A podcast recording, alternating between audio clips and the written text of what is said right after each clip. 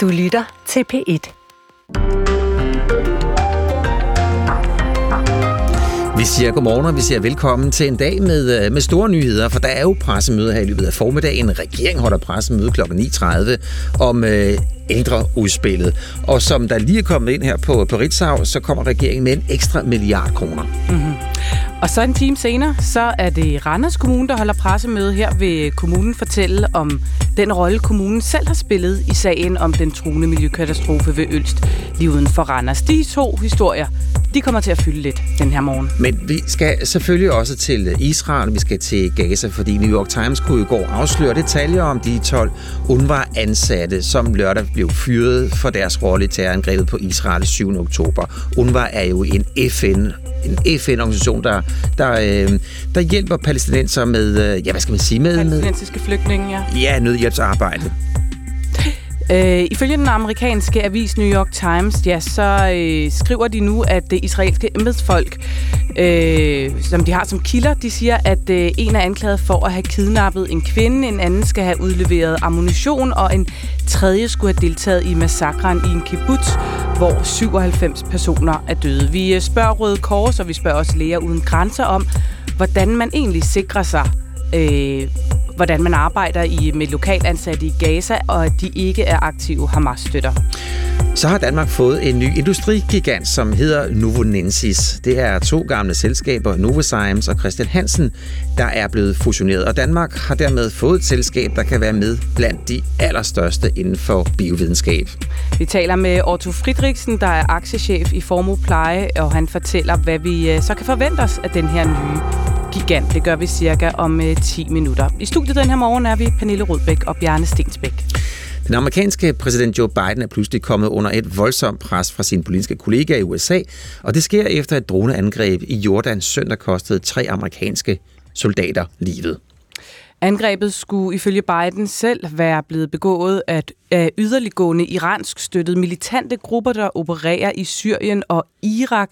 Iran afviser selv at være indblandet i indgrebet, men flere fremtrædende republikanere kræver nu, at Biden han skærer igennem og rammer Iran tilbage. Presset kommer blandt andet fra den republikanske senator, senator Lindsey Graham, øh, som i et opslag på X skriver, ram Iran nu og ram dem hårdt. Ja, og presset stopper ikke bare der, fordi kritikken kan også findes i de amerikanske aviser, blandt andet i Wall Street Journal, som i en leder søndag skrev, og nu citerer jeg, at øh, citat, dræbte amerikanere er resultatet af USA's afskrækkelse. Ja, den er faldet sammen på grund af en ustabil politisk kurs. Godmorgen, Jakob Krog. Godmorgen. USA-korrespondent i, øh, ja, her, ja, DR's USA-korrespondent. Hvad er det for et indrigspolitisk pres, som Joe Biden her under? Der er en gruppe af republikanske høge, kan man kalde dem, og konservative højorienterede medier, som længe har ment, at Joe Biden han er for blød, han er for passiv over for Iran. De øh, mener, at hans politik ligesom har overbevist Iran og de militser, som, som Iran støtter, at de kan handle uden at blive straffet, at det ikke har nogen konsekvenser. Og for dem, der var søndagens angreb sådan et, hvad sagde jeg øjeblik? Og de bebrejdede med det samme Biden, de krævede sådan et øjeblikkeligt og et hårdt modsvar. De krævede direkte angreb på Iran, som, som I også selv nævnte. Og øh, Joe Biden, han, øh, han blev konfronteret, eller han fik de her spørgsmål, og det gjorde han jo, da han øh, søndag besøgte en kirke i South Carolina. Og der svarede han sådan her. I want to point out that uh, we had a tough day last night in the Middle East. We lost three brave souls in an attack on Ja, jeg skal beklage lyden. Den, den er lidt dårlig, men hvis jeg lige skal oversætte det, så er det, at øh, Joe Biden fik sagt, at vi havde en hård dag i Mellemøsten. Vi mistede tre modige sjæle, og øh, jeg beder om et øjeblik stillhed for de faldende soldater, og så kommer det, vi vil svare igen på angrebet. Hvad mente han med det, Jacob Krog? Jamen, jeg tror, at han mente, at, de, at USA vil svare igen. Jeg tror, der er, en, der er en klar forventning om, at USA vil svare igen, og det har Biden også selv været ude at sige, at han vil, at USA vil svare igen, øh, når og på den måde, som det passer USA. Øh, og, og, og han vil selvfølgelig gerne fremstå stærk øh, i USA, også indrigspolitisk, men der er også meget mere på spil. For ham der handler det i lige så høj grad om at prøve at fortsætte den her balancegang, som, som han har forsøgt at, at bevæge sig på her de sidste mange måneder, hvor han nu her øh, skal svare igen, og skal gerne gøre det så kraftigt, at de her angreb stopper, at der ikke kommer et nyt angreb, der dræber endnu flere amerikanske soldater. Men samtidig skal han sørge for, at det ikke eskalerer, at den her ulmende konflikt ikke kommer ud af kontrol. Så, så han, han siger, at han vil svare igen. Han er presset indrigspolitisk, så, så hvor, hårdt, hvor hårdt vil USA, ja, det er jo et svært spørgsmål, men hvad er der lagt op til, hvor hårdt vil USA reagere? Det er et svært spørgsmål, og det kan jeg ikke svare på lige, lige meget, hvor meget jeg gerne vil. Der er jo krav om, at det skal være rigtig hårdt fra, fra, fra nogle af hans kritikere. Andre de siger, at han skal gå meget mere forsigtigt til værks, fordi at de netop vil undgå den her eskalering, at det kommer, at det kommer ud af kontrol. Biden selv har som, selv, har som sagt øh, sagt, at, jamen, at der kommer et svar, men det kommer, når han vil det, og i den øh, størrelsesorden, som han beslutter sig til. Ja, hvilken rolle spiller de, øh, de ledende kræfter i Bidens eget parti, Demokraterne? Det er ikke så meget de ledende kræfter, der prikker til Biden her. De bakker egentlig sådan nogenlunde op ham, men der er nogle demokrater, særligt mere ud på mere den, de venstreorienterede slagsen, og faktisk også en gruppe meget højreorienterede republikanere, som kritiserer Biden for øh, i, øh, at angribe hutierne for eksempel, at, at de angreb kom uden kongressens øh, tilladelse, uden kongressens velsignelse. Og det her der handler det i højere grad om at få Biden til at holde igen, ikke at involvere, involvere sig for meget. Man vil gerne have en mere tilbagetrukken amerikansk rolle. Og på den måde kan man sige, at Biden han er i en form for krydspres, hvor han bliver presset fra begge sider. Ja, for det her drab på, på de tre amerikanske soldater i Jordan, det er jo sådan set ikke eneste, den eneste gang, at amerikanske soldater er blevet ramt af angreb i Mellemøsten. Øh, ifølge det amerikanske forsvarsministerium, som øh, har ud, så har udstationerede soldater fra USA været udsat for mere end 150 angreb fra formodet Iran-støttede militser siden Hamas-angrebet i, øh, i Israel den 7. oktober. Hvad, hvad er det for nogle udfordringer, det sætter Biden i, at vi ser de her angreb på øh, amerikanske soldater? Et af Bidens hovedmål lige siden Hamas angreb Israel her 7. oktober, det har været at undgå, at konflikten den spreder sig. Der er så nok en, stadig flere, der vil mene, at det er den godt i gang med. Der skal mysler mellem Hezbollah og Israel i det nordlige Israel. Der er hutierne, som jeg nævnte, der angriber fragtskibe, hvor USA jo har svaret igen. Her mistede de jo faktisk to soldater for nylig. Og så har der været de her over 150 angreb i Syrien, i Irak og nu i Jordan. Og Biden, han forsøger jo at undgå, at det her eskalerer yderligere. Han forsøger at bevare kontrollen over det, og det bliver stadig sværere. Og samtidig så møder han også en ret stor hjemlig kritik for den her urokkelige støtte til Israel, at han ikke har formået at få Israel til i højere grad at begrænse antallet af civile døde i Gaza. Og på den måde, der er det en yderst kompleks øh, situation, Biden han befinder sig i. Lød det fra dig, Jacob Krog. Mange tak. Selv tak altså DR's USA-korrespondent, og sådan blev klokken 13 minutter over 6. De to danske selskaber Novozymes og Christian Hansen er officielt fusioneret og hedder nu til sammen Novonensis. Novonensis kommer til at have en omsætning på omkring 3,7 milliarder euro. Det svarer til ja, cirka 27,5 milliarder kroner, og det kommer også til at beskæftige omkring 10.000 medarbejdere, oplyser Novozymes i en pressemeddelelse. Og begge virksomheder arbejder med forskning inden for biovidenskab, og de producerer blandt andet enzymer og mikroorganismer som bliver brugt i fremstilling af alt fra, fra madvarer til vaskepulver. Godmorgen, Otto Friedrichsen. Godmorgen. Aktiechef i Formue Pleje Aarhus. Altså den her fusion mellem Novozymes og, øh, og Christian Hansen. Hvad er det for en fusion, vi har med at gøre her? Jamen, det er en sammenlægning af, af to øh, danske virksomheder, som har en øh, lang historik, og som øh, på hver deres område har en, øh, en stærk markedsposition.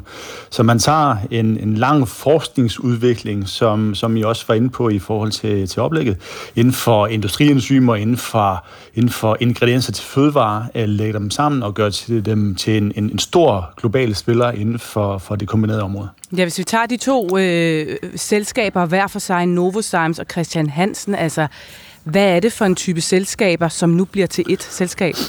Jamen, Novozymes øh, er jo, er, har jo en historie ud af Novo Nordisk og blev et selvstændigt selskab tilbage i, øh, i 2000 og koncentrerer sig inden for specielt enzymer, øh, når vi bruger vaskemiddel eller også inden for bioetanol og andre industrienzymer der er de, øh, har de en meget stærk position i forhold til at udvikle og, og, og sælge enzymer, industrienzymer.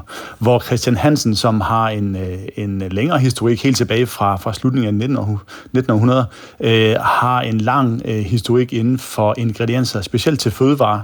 Øh, vi kender det fra blandt andet oste, der er rigtig meget øh, i, i forhold til ingredienser. Øh, øh, andre øh, fødevareprodukter, som, som, som de også er stærke indenfor. Så det er egentlig de to områder, der bliver lagt sammen til nu at være en stor global spiller, som skal tage konkurrencen op med, mm. med andre store spillere.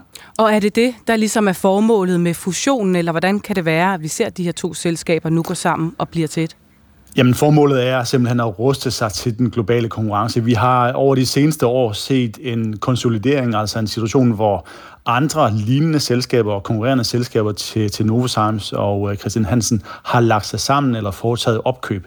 Øh, og i forhold til øh, de udfordringer, som generelt har været på markedet med hensyn til en, en aftagende efterspørgsel, en lageropbygning, pres på priserne, så er størrelse vigtigt. Det er vigtigt at koncentrere sig omkring ens kerneprodukter og sikre vækst og en konkurrencemæssig stærk position. Så det er egentlig det, der er opgaven. Mm. Og man kan sige, at udfordringerne, når, når vi ser på sammenlægningen, er jo i høj grad også udover at sikre vækst, så også at sikre, at at øh, konsolideringen eller sammenlægningen af virksomheden, den kommer til at forløbe glat. Fordi der er rigtig mange ting, som, som skal ligge sammen, og som skal tages højde for i, i så stor en fusion som den her. Og i morgen, det er jo så første dag, hvor man kan handle Novonensis på, på den danske børs. Hvis vi kigger på aktiemarkedet, altså hvordan kommer det til at påvirke aktiemarkedet, at vi får en ny stor spiller som Novonensis? Jo, men det er klart, at vi har øh, i dag to ikke ubetydelige øh, danske selskaber, som går sammen, øh, så vi får faktisk et selskab, som vi også var inde på, med en omsætning i underkanten af 30 milliarder, 10.000 medarbejdere, globale medarbejdere, hvor knap halvdelen er placeret i Danmark. et, et, et, et sammenlagt selskab, som har en, en, en relativt stor markedsposition inden for, for de kombinerede områder. Så det er en stor global spiller, og ser vi på sådan størrelsen af selskabet i forhold til øh, værdien, så placerer den sig sådan mellem Danske Bank, øh, lidt større end Danske Bank, men lidt mindre end, end Mærsk, for at sætte det perspektiv på det danske aktiemarked. Og hvad er potentialet for, for Novanensis? Jamen, potentialet er jo på lang sigt at, at fastholde øh, de stærke positioner øh, inden for hver deres øh, respektive områder, og så udbygge. Øh, så forskning og udvikling, som har været et omdrejningspunkt for begge selskaber igennem en lang årrække, er stadigvæk øh, fuldstændig centrale områder for at sikre vækst fremadrettet. Øh, IFF, som et af deres store amerikanske øh, konkurrerende selskaber hedder, har foretaget øh, opkøb. Øh, vi har set DSM i Holland, øh, så, så inden for for sådan, øh, gruppen af hovedkonkurrenter, der er en konsolidering, der er en fokusering på øh, at blive øh, ledende inden for, for deres respektive markeder. Så fokus på forskning og udvikling er helt afgørende for at sikre mm. sig en stærk position. Og hvad bliver den, den store udfordring?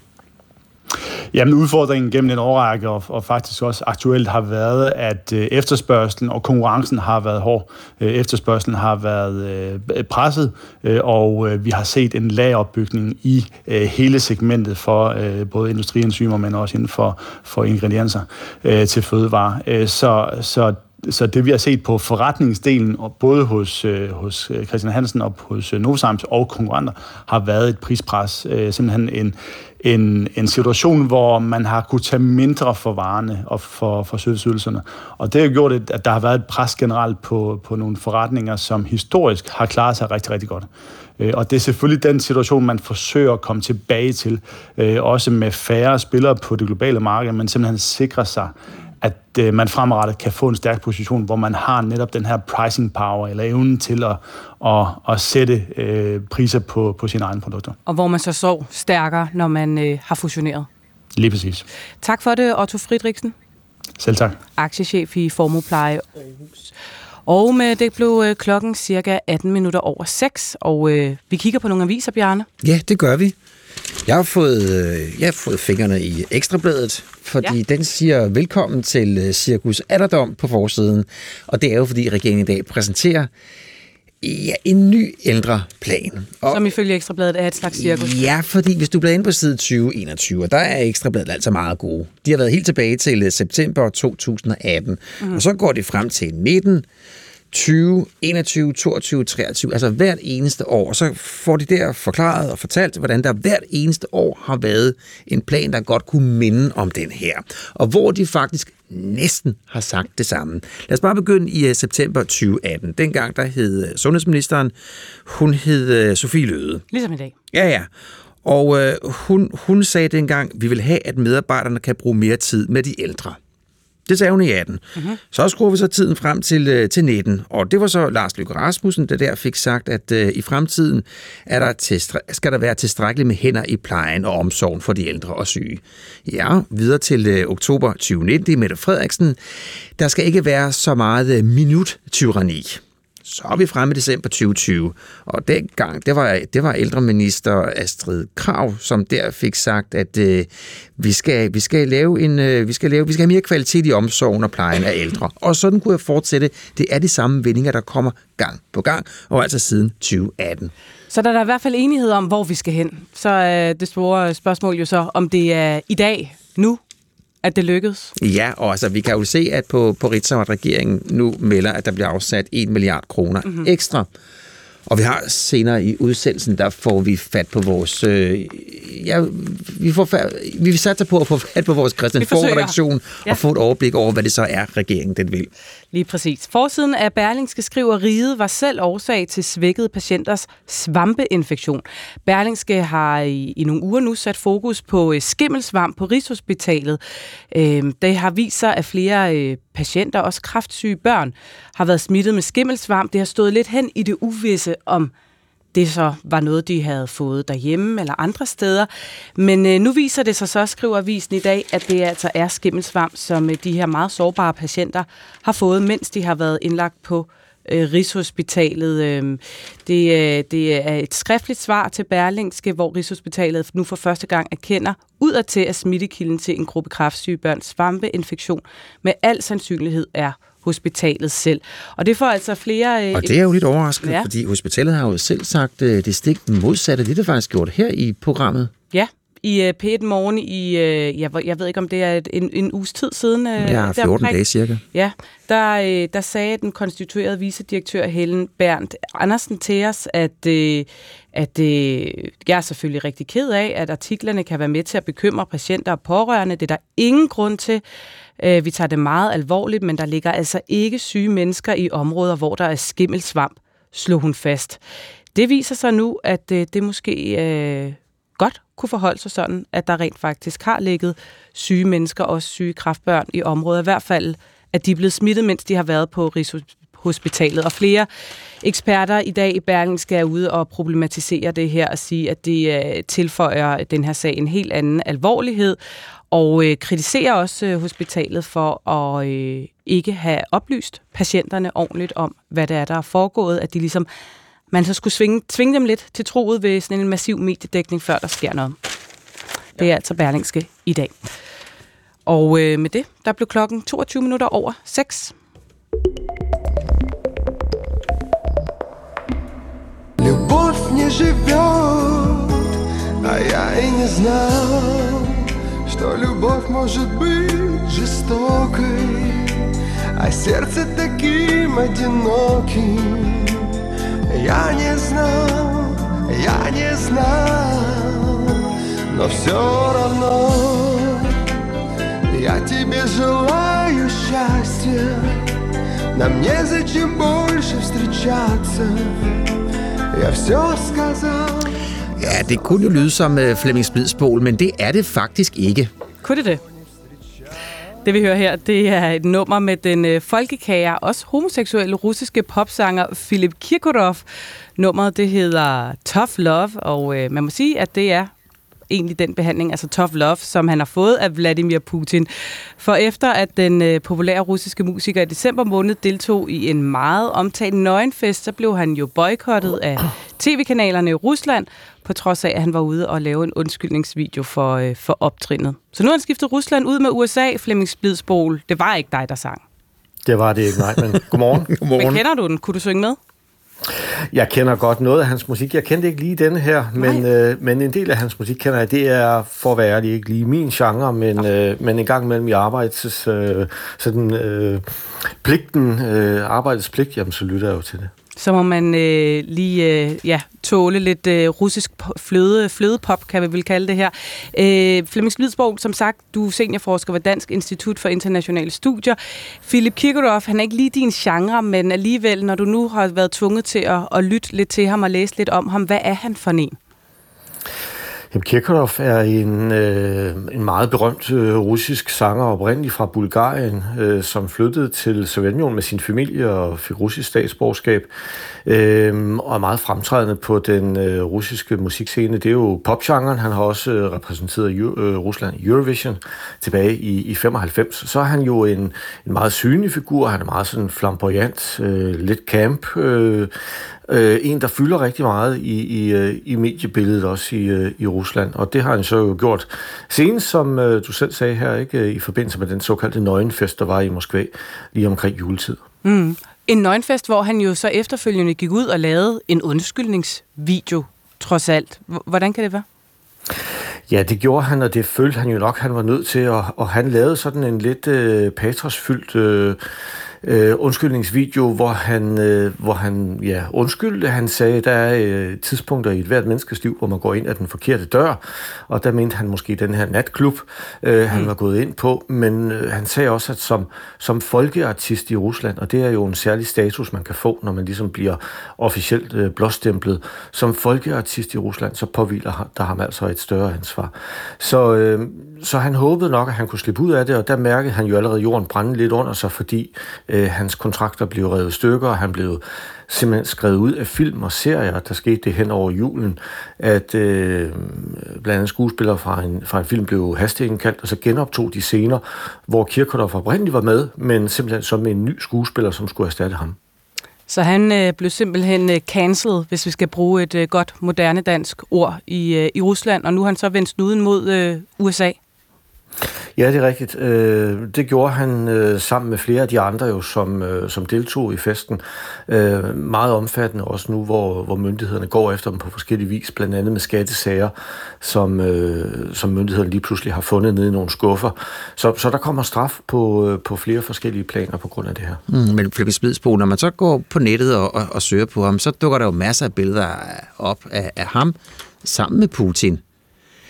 Hvilket forhold har de haft?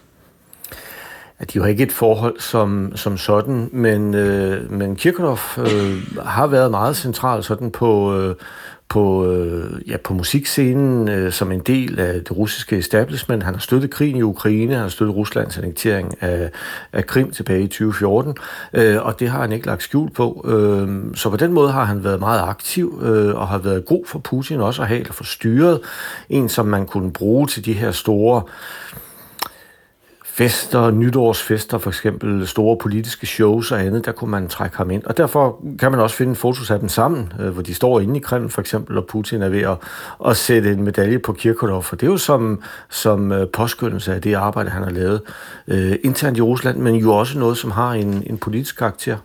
Ja, vi står og kigger på, øh, på et skønt lille selfie-billede af, af Putin og Kirkorov her, hvor de jo... Øh, hvor det ser ud til, at stemningen fortsat er god på det her tidspunkt, hvor det billede det er taget.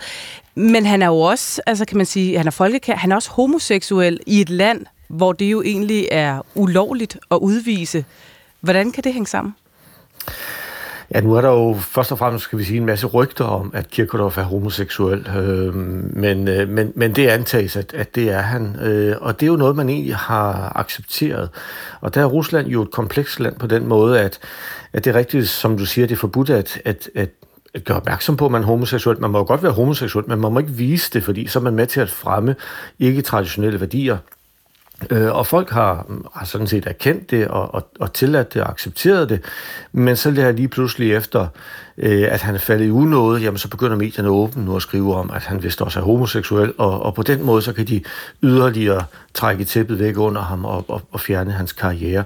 Men ellers har man på en måde sådan tilladt det. Øh, det har været en almindelig hemmelighed, øh, at, at, at sådan var det bare, men det var ikke noget, man talte om, og det var noget, man bare lod passere. Hvad fortæller den her historie om Rusland? Ja, historien er jo, at, at Rusland øh, bevæger sig i en stadig mere radikaliseret retning. Øh, der er en, øh, en enorm opmærksomhed på krigen. Man skal støtte krigen.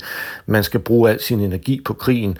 Øh, og det er meget sigende. Nogle af af de folk så i Rusland, som føler sig stødt af denne her såkaldte nøgenfest, har jo lagt sag an mod deltagerne, og der taler vi nu om, om erstatninger på, eller krav om erstatninger på, på flere milliarder dollars, øh, og de, alle pengene skal gå til krigen. Så, så opmærksomhed er på krigen, øh, det kulturelle liv øh, skal være fokuseret på krigen, man må ikke gøre noget, som synes at, at falde ved siden af i en situation, hvor Rusland er, hvor Rusland nu er. Og, og det er en bemærkelsesværdig udvikling, som er gået meget hurtigt, og som nogle dele af, af establishmentet, eliten, som for eksempel Kirkedorf, simpelthen ikke har aflæst rigtigt. Måske fordi det er gået så hurtigt. Tak for det, Flemming Smidsbol. Jeg selv takker. Seniorforsker ved Dansk Institut for Internationale Studier. Må man bruge børn til at reklamere på TikTok? De her børn har jo ingen kontrol. Det er jo totalt uigennemskueligt. Hvordan er det at være en 25-årig kvinde midt i Gaza? Nu har gennemgået krigens redsler, så det vil være spild af kræfter og dø nu, siger hun. Hvorfor skal vi absolut arbejde fem dage om ugen? Jeg vil gerne have hele velfærdsmodellen, men jeg vil jo ikke gerne selv arbejde mindre.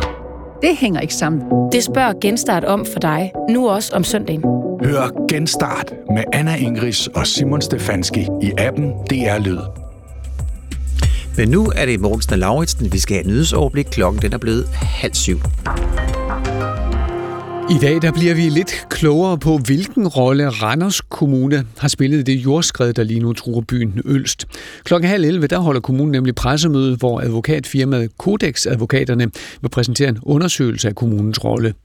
Men flere medlemmer af byrådet tvivler på, at den vil tegne et ordentligt og uafhængigt billede, fordi det er kommunens embedsfolk, der har bestilt den og afgjort, hvem der skulle undersøge kommunens rolle. Det siger enhedslistens Frida Valbjørn.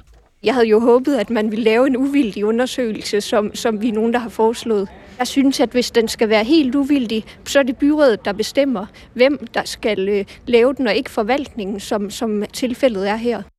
Over en halv million ind i Gazastriben er nu på randen af hungersnød, og det betyder, at flere risikerer at dø. Det viser den seneste rapport fra FN's fødevareprogram. Det fortæller vicedirektør Karl Skav. Men en svältkatastrof innebär redan att det är ett stort antal döda. Hungersnød indebærer, at der er et stort antal døde, og der er vi allerede midt i katastrofen. Og derfor er det vigtigt, at vi vender udviklingen og får bremset de hungersrelaterede dødsfald. I øjeblikket får fødevareprogrammet omkring 30-40 lastbiler ind om dagen, og de vurderer, at der skal bruge mindst 100 for at forbedre fødevaresituationen. Regeringen løfter nu sløret for, hele sløret for, hvordan den mener, at Danmarks ældrepleje skal se ud i fremtiden. I formiddag der præsenterer den nemlig en længeventet samlet ældrereform. Dele af det her udspil er drøbvis blevet offentliggjort under overskriften helhedspleje. Og det dækker over, at både de ældre selv og os medarbejderne skal have mere indflydelse på hjælpen i hverdagen. Det siger ældreminister Mette Kirkgaard. Der bliver langt mere selvbestemmelse for den ældre. Det er en kerneværdi i ældrereformen og der bliver langt mere tillid til medarbejdernes faglige dømmekraft. Det bliver skyde, diset eller tåget, og især mod nordvest kommer der lidt regn af og til. Mellem 3 og 7 grader og svag til jævn vind omkring syd. Bjarne Stensbæk og Pernille Rudbæk, så skal vi have mere om øh, jordskredet. Ja, der var møde i Randers Byråd i aftes for første gang siden, at øh, kommunen overtog oprydningsarbejdet ved Nordic Waste.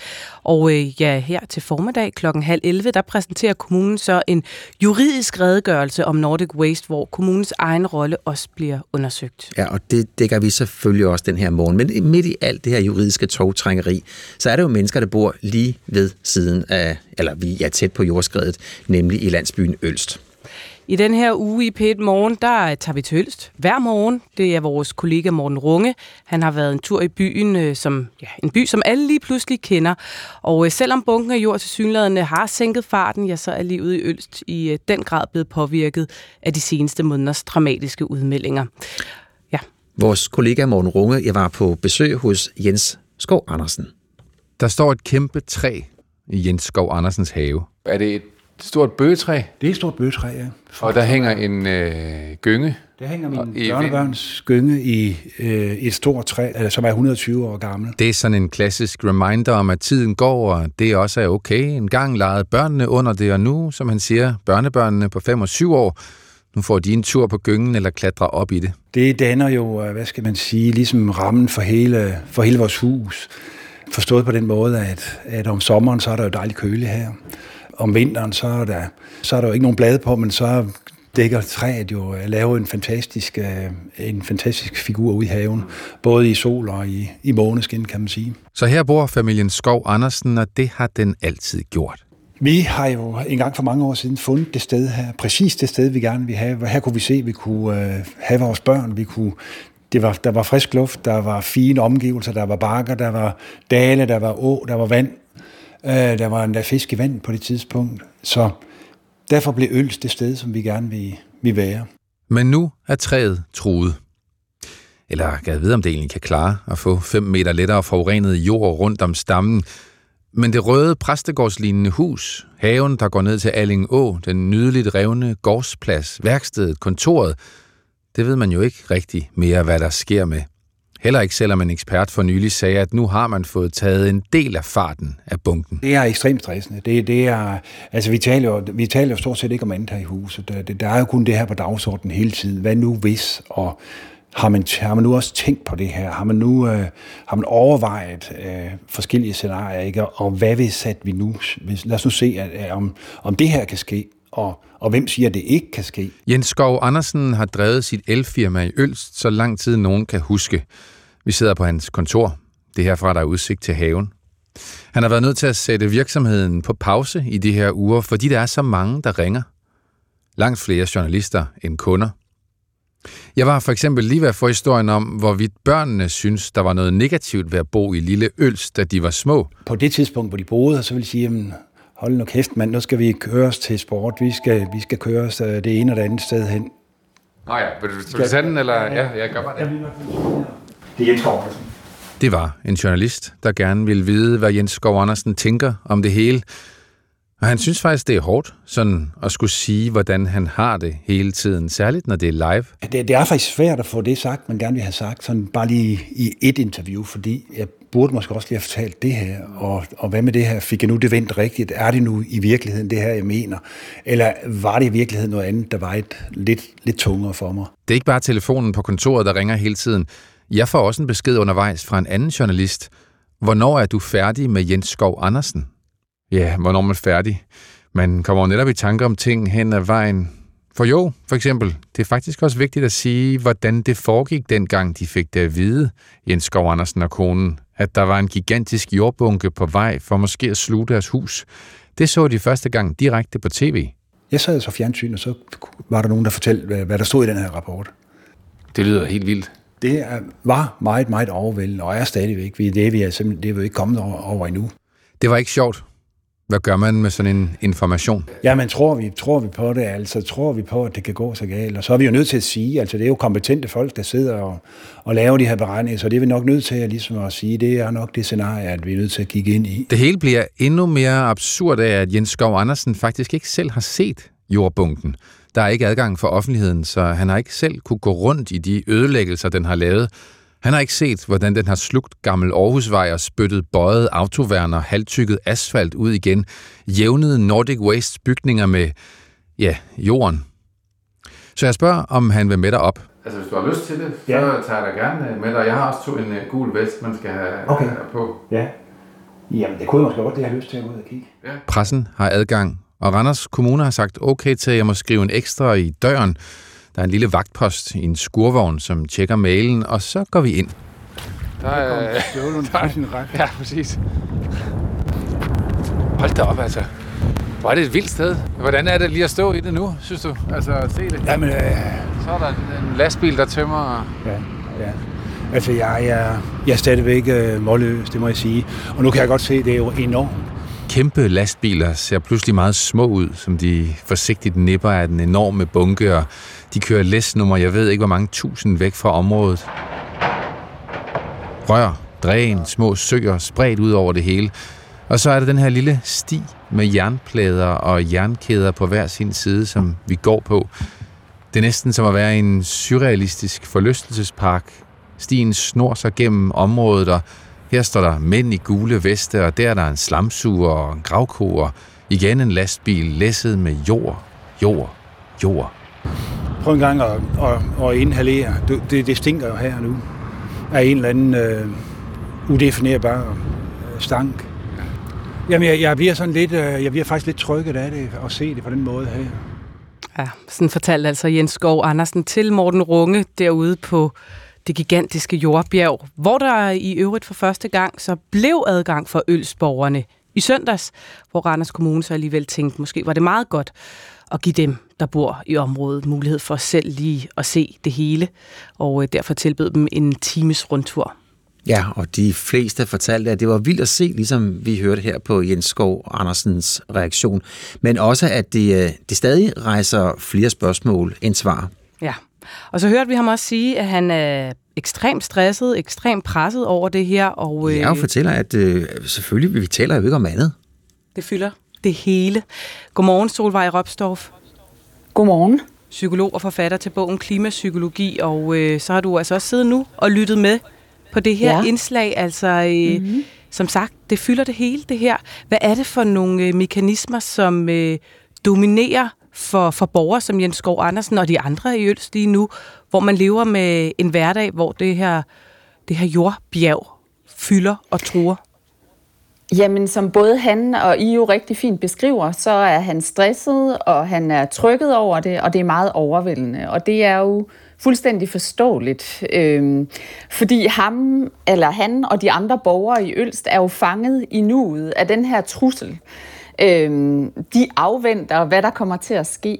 Og når vi oplever en reel trussel, øh, som er lige oppe i ansigtet på os, eller i øvrigt altså en oplevet trussel, så har vi sådan et evolutionært beredskab, der går i gang. Et alarmberedskab, som sætter vores nervesystem i, øh, i sådan en, øh, en tilstand, hvor man er meget parat til at håndtere en trussel, og man får i øvrigt også en lille smule tunnelsyn, og man er virkelig afventende i forhold til, eller parat til at kæmpe mod den her trussel.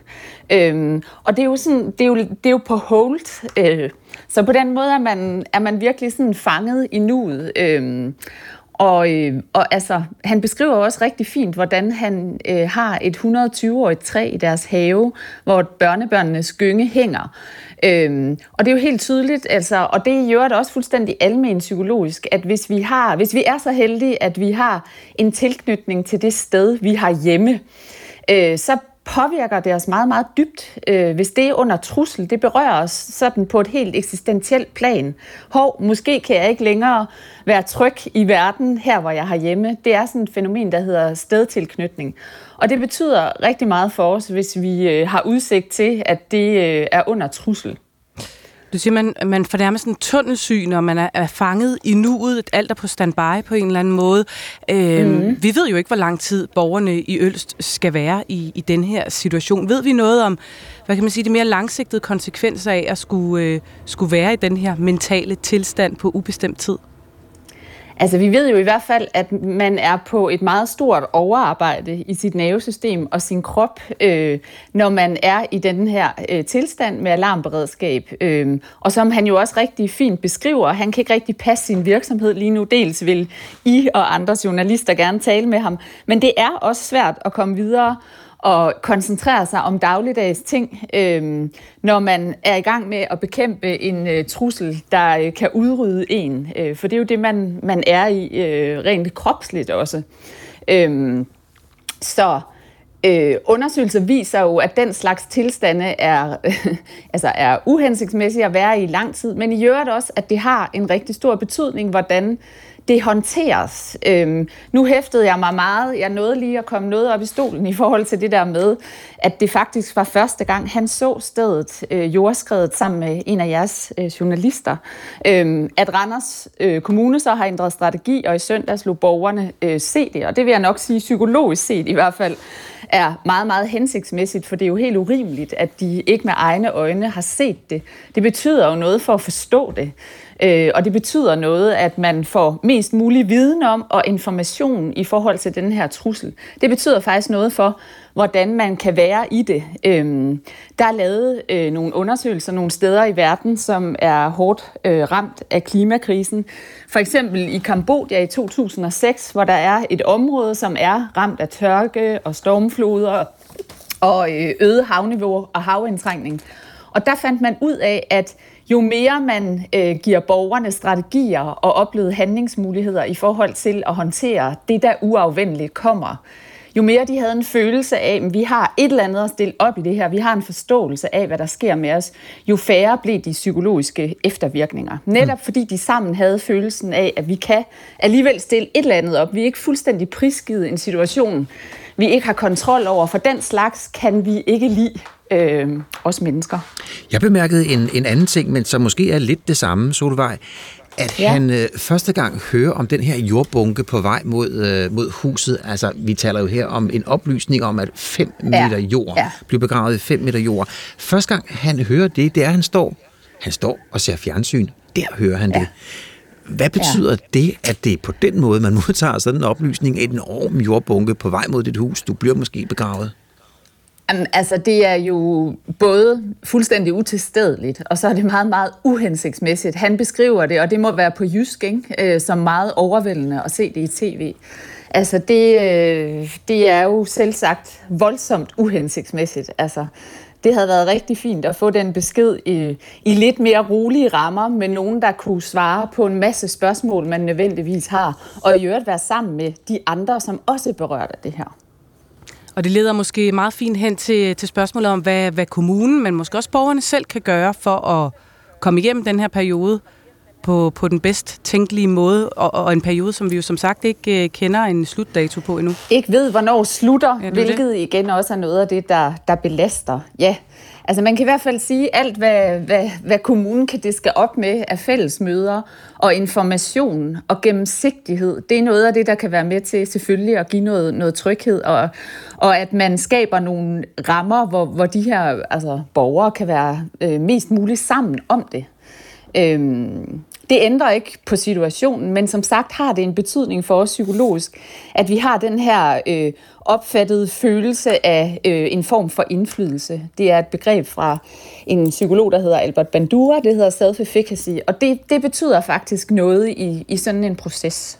Og hvad kan, hvad kan borgerne selv gøre? Ja, altså... Øh, vi ved jo, at når man er i en langvarig stress- og belastningstilstand, så skal man passe øh, ekstra godt på sig selv, men det er jo også meget øh, nemmere sagt end mm. gjort. Mm. Altså det tænker jeg også, de gerne ville. Men de vil jo gerne have det til at stoppe, øhm, og de vil helt sikkert gerne kunne passe deres arbejde og øh, leve deres dagligdags liv, som de plejer. Øh, men det er noget med at skrue op for alt det... Øh, øh, der gør, at man passer på sig selv og sørger for at få noget søvn, selvom man også øh, meget sandsynligt får svære ved at sove og spise, og alle mulige andre ting kan, kan blive forstyrret. Altså sådan er det, når vi går i det her alarmberedskab, fordi vores krop er indstillet på at bekæmpe en trussel, så bruger den ligesom ikke øh, krudt på hverdagens trakasserier. Så det er en ret anderledes tilstand at komme i. Men selvfølgelig vil den også øh, normaliseres en lille smule over mm. tid, hvis det her bliver noget, øh, der varer længere tid. Øh, men det er i hvert fald helt sikkert, at det med fordel kan få rigtig meget opmærksomhed, øh, også fra øh, Randers Kommune øh, og andre. Der er plads til, til lidt forbedring der. Tak øh, Solvej Ropstorff for at være med og her til morgen. Selv tak. Psykolog og forfatter til bogen Klimapsykologi. Klokken er blevet 13 minutter i syv.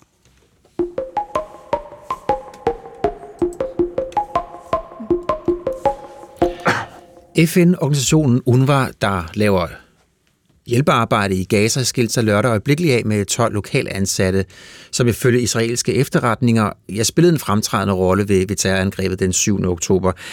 Noget af det, som øh, der har været fremme ifølge de israelske kilder, ja, så er det at anklager mod at have kidnappet en kvinde, en anden skulle have udleveret ammunition, og en tredje skulle have deltaget i øh, en massakre i en kibbutz, hvor i alt 97 personer døde. Det er noget, der har fået flere lande til at sætte støtten til UNRWA på pause i øh, nat. Der øh, besluttede New Zealand at, øh, at gøre som øh, med 10 andre lande, så det nu i alt er 11 lande, som har trukket støtten til UNRWA. Og måske den her sag på en eller anden måde viser, hvor øh, vanskeligt, hvor svær en balancegang det kan være at, at operere i Gazastriben som øh, organisation, nødhjælpsorganisation, hvor man skal dels samarbejde tæt med de lokale, men omvendt skal passe på, at det ikke bliver for tæt. Ja, derfor velkommen til jer to, Bjarke Skåning. Godmorgen. Godmorgen. Du er katastrofechef i Røde Kors, og også velkommen til dig, Julia Råvad. Du er analysechef i, uh, i Læger Uden Grænser. Øh, Bjarke Skåning, hvis vi øh, starter med dig, både Røde Halvmåne og ja, sådan set også Læger Uden Grænser, I arbejder jo i Gaza. Gaza er kontrolleret af Hamas, det har vi øh, fortalt mange gange, de er over det hele i, øh, i Gaza. Så I er jo afhængig, går jeg ud fra, af de lokale ansatte. Hvor stor, øh, hvor meget, kan man sige, bliver I nødt til at samarbejde, også med Hamas, i forhold til at kunne operere i Gaza, Bjarke Skåning? Jamen, jeg tror, man skal huske på, at den situation, der er i Gaza, er jo en situation, hvor Hamas har kontrolleret Gaza 100%. Det har været med verdenssamfundets accept. Og det vil sige, at der er ikke nogen, som har kunne gøre noget i Gaza, heller ikke før 7. oktober, uden at det var accepteret og koordineret med dels med Hamas og dels med de israelske myndigheder. Og hvor meget kan man sikre sig, at de medarbejdere, man for eksempel ansætter, også lokale folk, ikke har tilknytning til Hamas? Kan man vide det?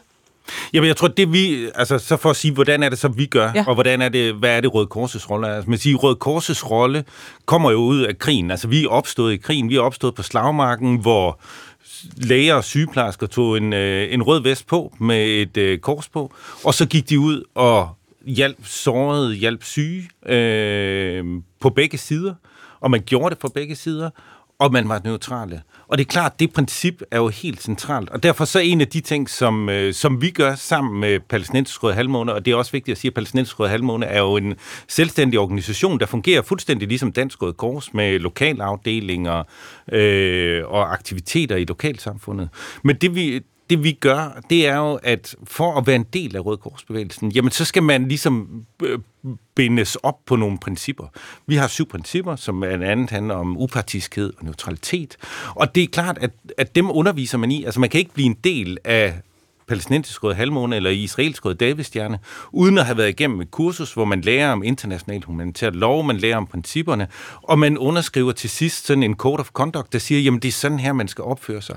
Og samtidig, jamen så kan vi så fra Dansk Røde Kors side, når vi samarbejder med Palæstinensisk Røde Halvmåne som partner, jamen så har vi selvfølgelig nogle procedurer, som er dels kommer af vores støtte fra Udenrigsministeriet, hvor vi kigger på, jamen, hvad er det, der kræves? Der kræves, at man øh, screener imod sanktionstester osv. Mm, og hvis de der svarer, jamen, jeg, jeg, jeg, jeg har sympati, og jeg støtter Hamas.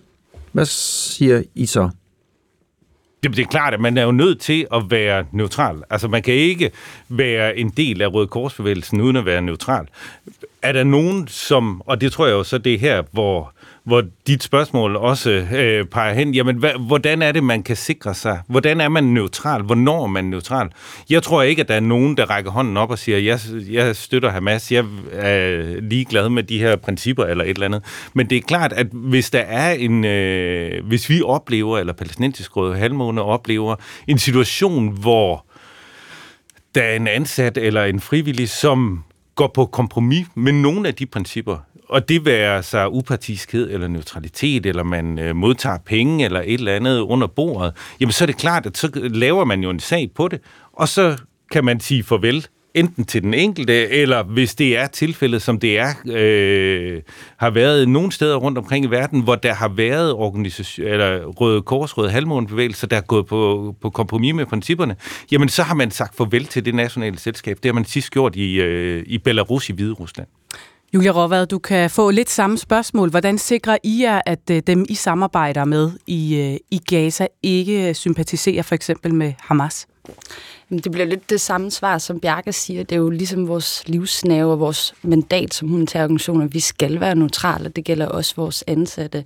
I Lederen Grænser underskriver man, det har jeg også selv gjort, et charter, øh, Lederen Grænsers charter, som øh, fremlægger de her principper om neutralitet og upartiskhed, øhm, som også øh, gælder, at man stedet underskriver en sætning på, at man, mm. man ikke, ikke skal lade sig påvirke af ideologier, politiske overbevisninger osv.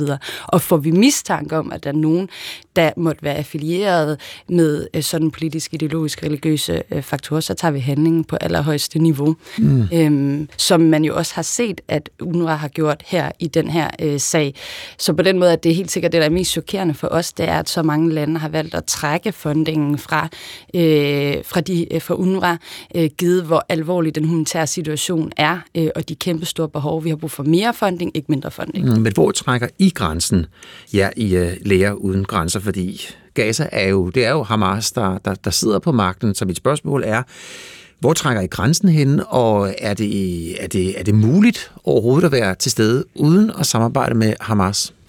Jamen altså, vi er jo vant til som humanitære organisationer at arbejde i lige præcis sådan nogle kontekster, hvor der er øh, oprørsgrupper, hvor der er væbnede grupper, hvor der er forskellige øh, krigende parter, og det er vores overlevelse, det er også vores sikkerhed, altså der er baseret på, at vi er uafhængige, så vi informerer alle øh, de krigende parter om det her ståsted. Vi øh, træner vores ansatte i det, øh, og vi tager handling, hvis det er, at vi har noget, noget mistanke.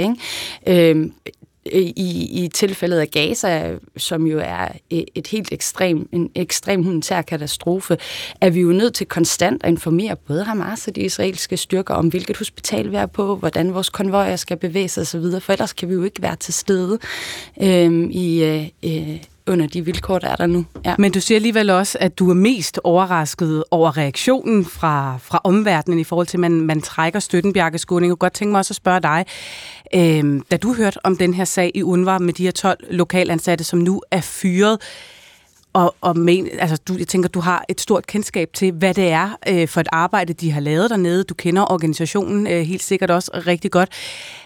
Blev du også sige, mindre overrasket over, at det fandt sted, og mere overrasket over, at reaktionen var så voldsom?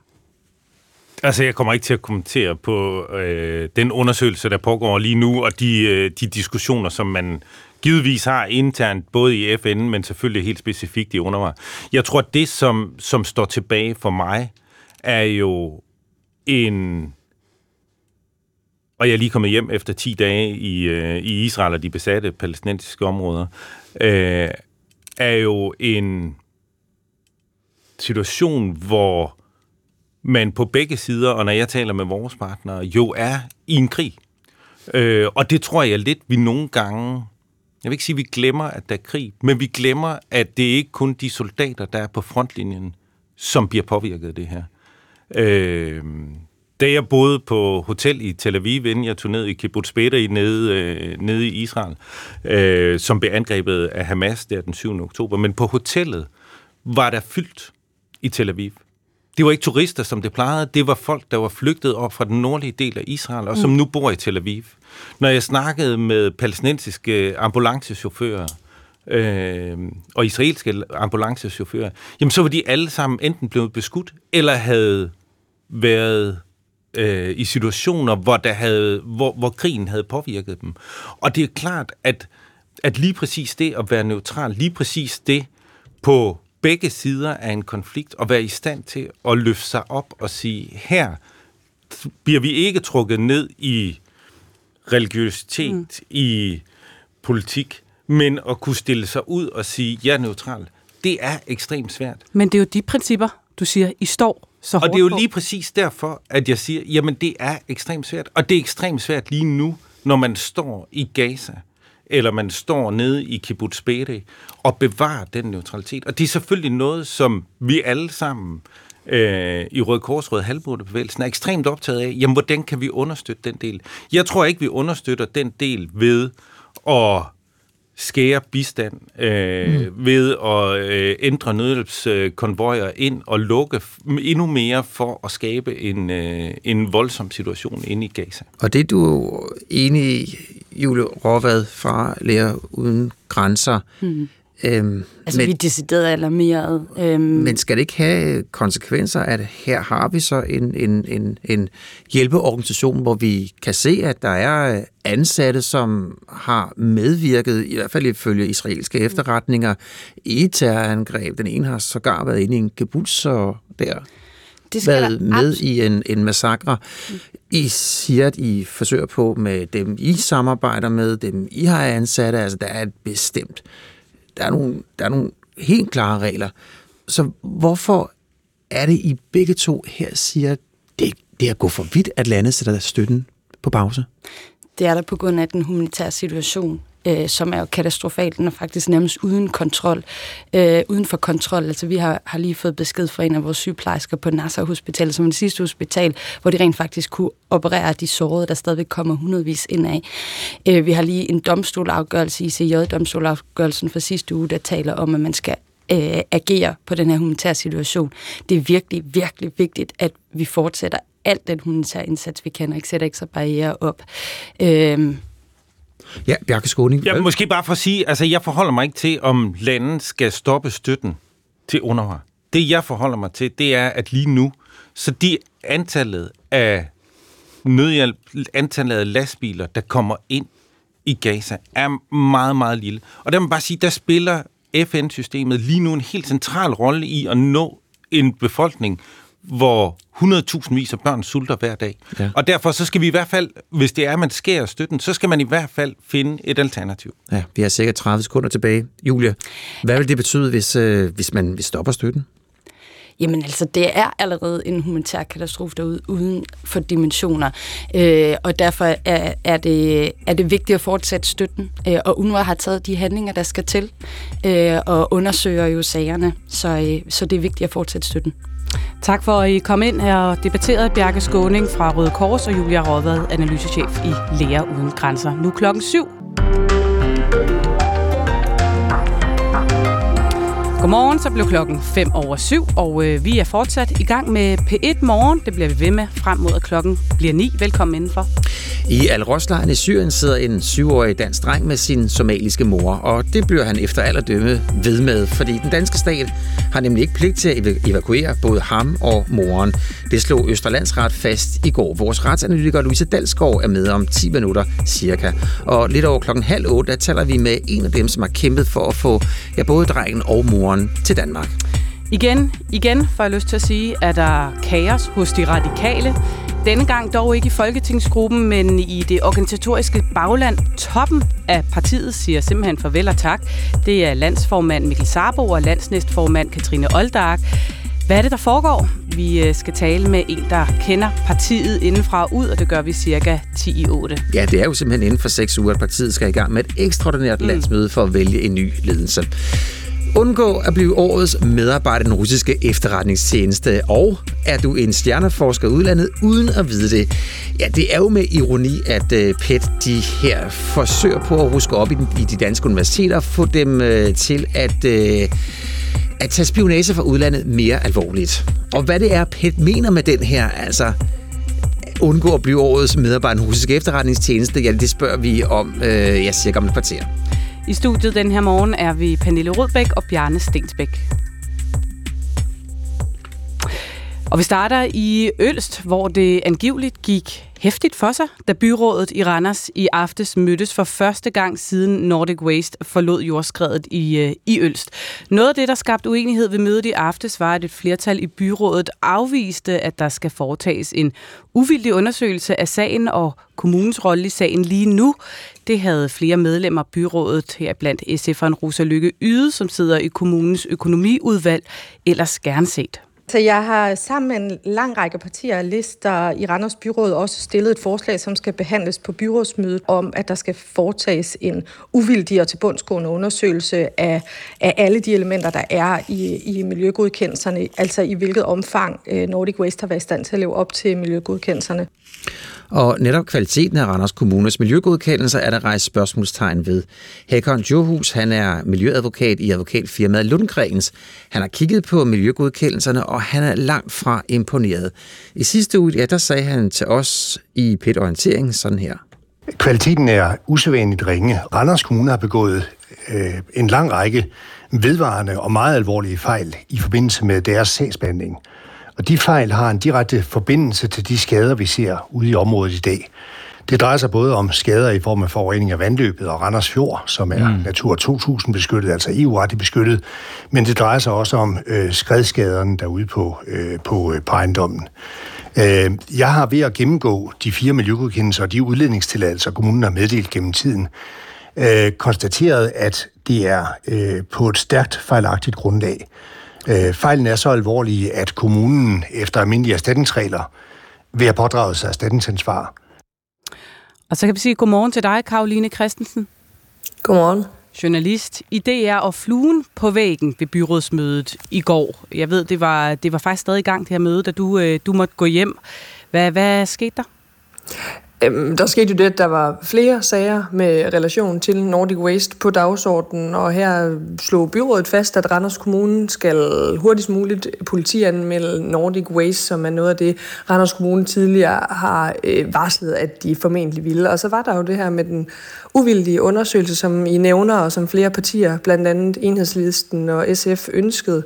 Den lagde borgmester Tom Hansen ud med at sige, at han synes, man skulle vente med til tiden er inde, og han foreslog, at øh, man ventede med beslutningen om en eventuel øh, uvildig undersøgelse til, at der, øh, man havde eventuelt politianmeldt Nordic Waste, hvor der i den forbindelse formentlig også vil komme nogle undersøgelser, øh, og nævnte også, at øh, det forventes, at der bliver foretaget en undersøgelse af Miljøstyrelsen. Så han sagde altså, øh, vi sætter lige lidt ro på, og han synes, at sagen øh, for nu skulle øh, tages af dagsordenen dagsordenen i går.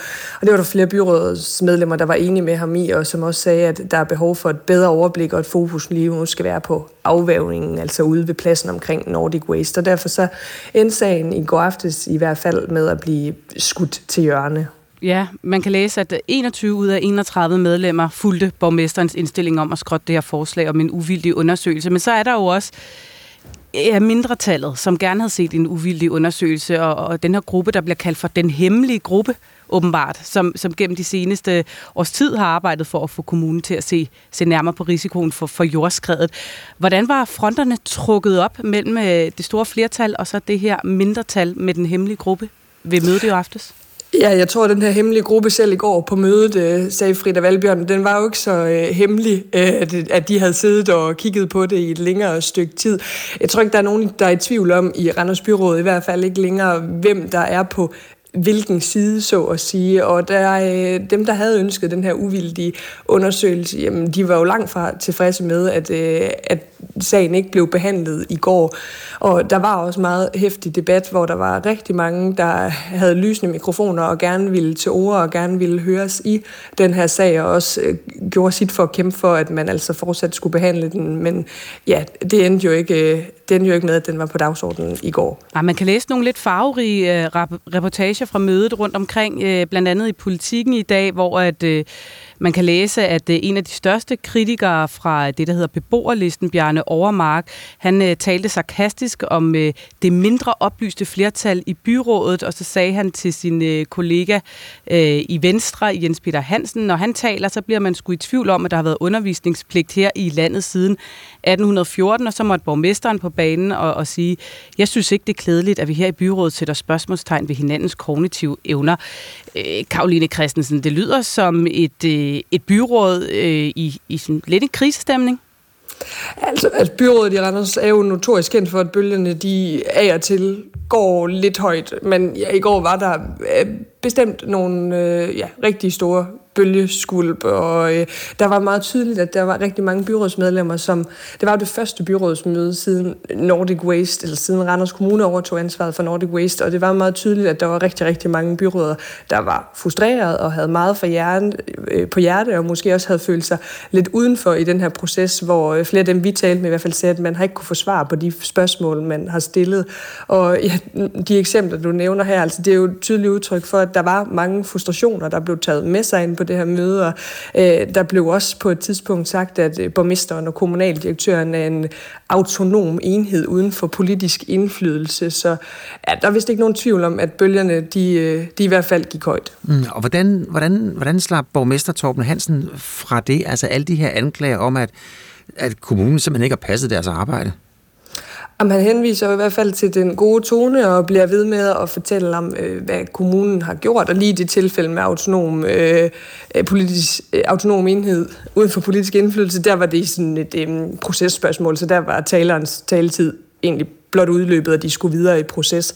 Øh, men han fortæller jo om, hvad det er, kommunen har gjort, og henstiller også til, at det er et arbejde, der er i gang, og der er undersøgelser i gang. Og så hvis vi skal kigge lidt frem her til sidst, Karoline Christensen, så er der jo indkaldt til pressemøde klokken halv 11 her til formiddag om kommunens miljøgodkendelser. Øhm, hvad ved vi om, hvad der kommer til at ske i dag? Vi ved i hvert fald, at der øh, er et pressemøde klokken halv 11, hvor øh, Randers' borgmester Torben Hansen han først vil give en status på øh, situationen omkring jordskredet ved Nordic Waste. Og så bagefter så vil øh, ordet blive givet videre til en miljøgodkat, Øh, en, en miljøadvokat, undskyld, som vil præsentere en undersøgelse, de har lavet af kommunens rolle. Og det er blandt andet, at de har gennemgået kommunens miljøgodkendelser, og så også deres forpligtelser i forbindelse med jordskredet ved Nordic Waste. Og så vil kommunaldirektør Jesper K. Schmidt øh, bagefter fremlægge kommunens reaktion og hvad handlinger kommunen vil tage på baggrund af undersøgelsen. Men præcis hvad mere det pressemøde vil indeholde, jamen det må vi jo mm. vente med at blive klogere på til klokken halv 11. Men potentielt en, en noget skældsættende dag i Randers Kommune. Ja, muligvis. Det, det er jo for tidligt at spå om, men jeg kan jo tilføje, at der i går aftes kom nogle øh, tilsynsrapporter ud på øh, Randers øh, Kommune, som, øh, man lang tid, altså, som i lang tid ikke har været offentliggjort, og det er tilsynsrapporter tilbage øh, til, 2000, øh, til maj 2019 og så til oktober sidste år, som øh, Randers Kommune i hvert fald har sagt over for Berlingske, at det er rapporter, der er udarbejdet efter tilsyn fandt sted. Og om det hænger sammen med det pressemøde, der er i dag, altså de her tilsynsrapporter, der pludselig er kommet op på Randers Kommunes hjemmeside, jamen det, det er jo også for tidligt at spå om, men øh, der kommer jo i hvert fald formentlig noget frem på, øh, på pressemødet, tænker Altså det må du lige prøve at uddybe. Altså der er kommet, der har været en, en række tilsyn fra kommunens side med de rapporter, der er blevet lavet, altså faktisk halvlangt tilbage. Altså de, de blev aldrig nogensinde lavet færdige, eller hvad?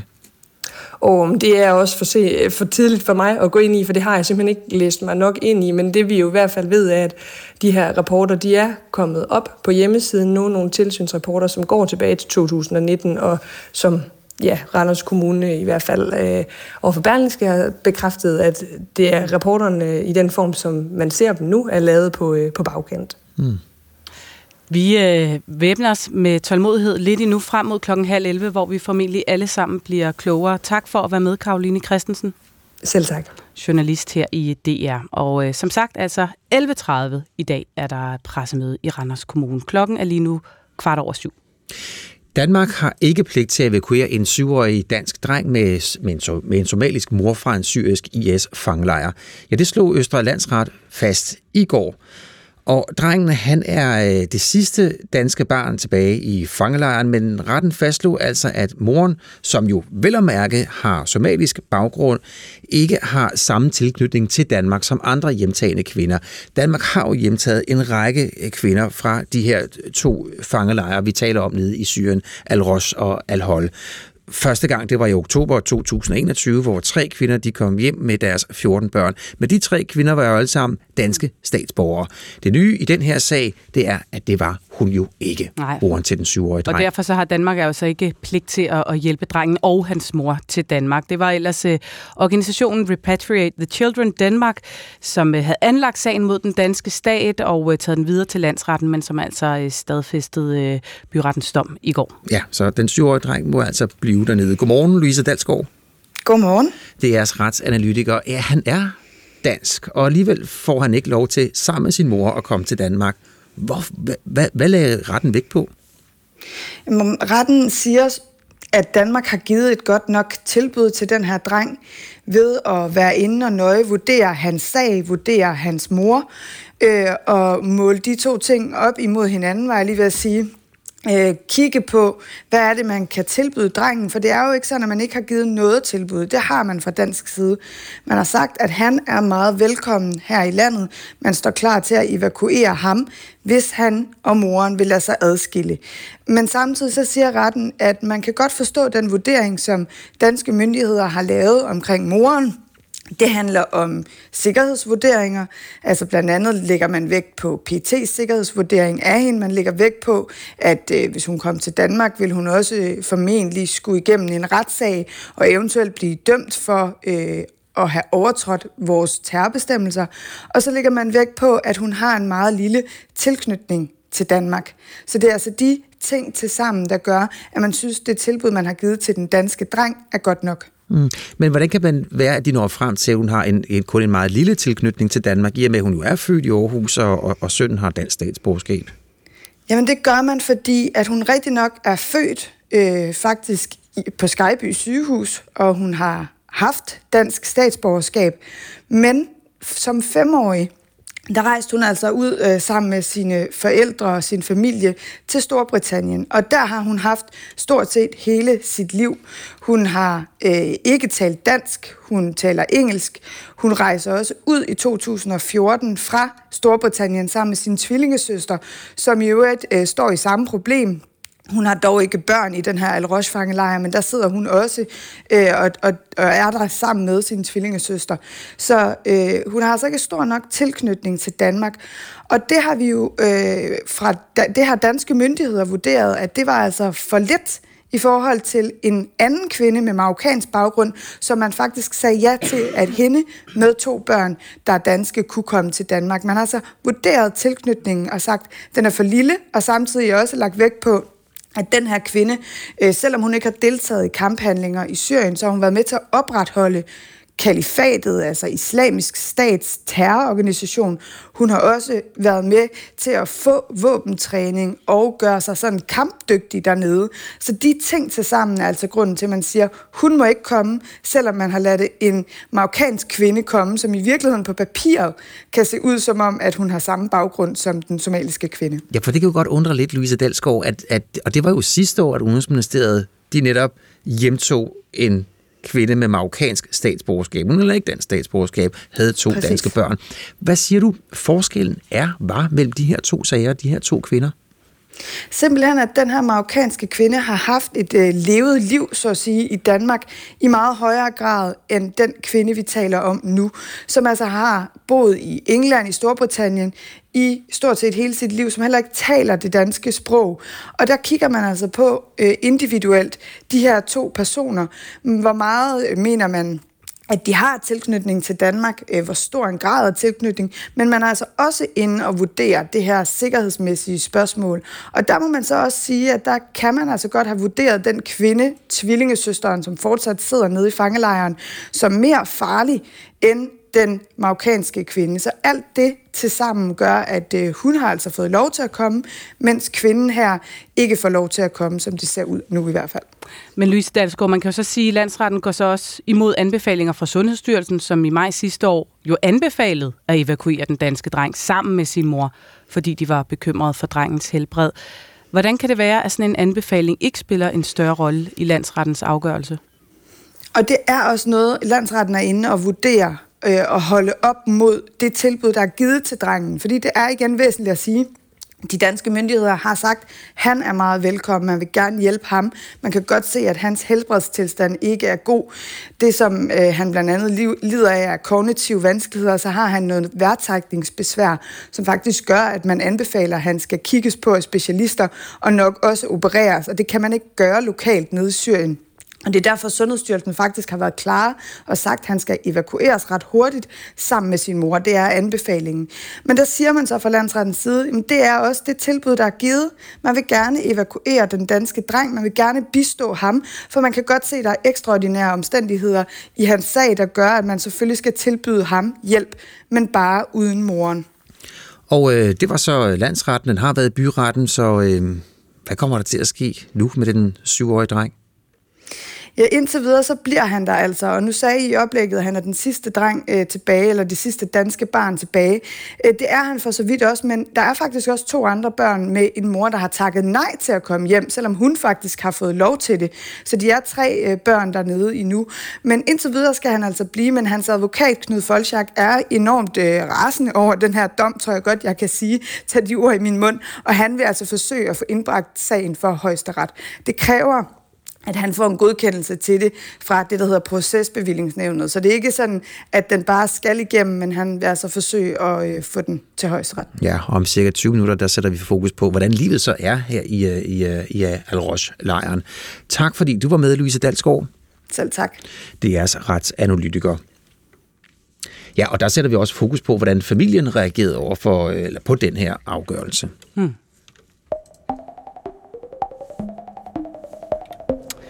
Undgå at blive årets medarbejder i den russiske efterretningstjeneste. Ja, sådan kan en overskrift lyde, en anden kunne lyde. Er du stjerneforsker i udlandet uden at vide det? Spørgsmålstegn.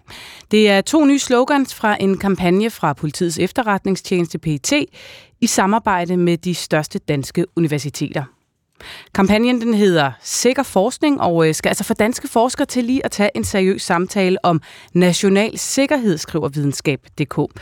Godmorgen, Karen Lund Petersen.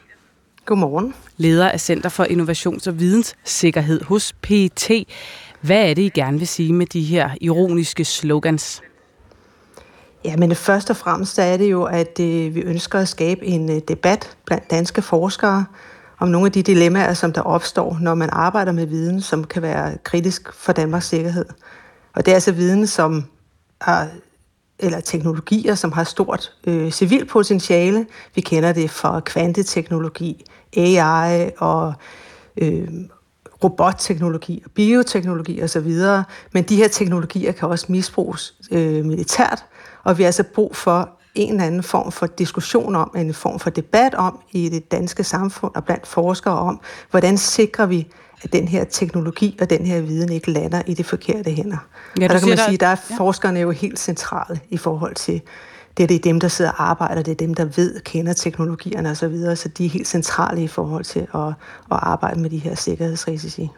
Ja, du siger, der er behov for en samtale om det. Det peger jo ind i, at der må være et problem. Hvor, hvor stort er problemet med danske forskere, som øh, i citationstegn ender med at blive øh, årets medarbejdere i russiske efterretningstjenester eller stjerneforskere i udlandet, uden de ved det?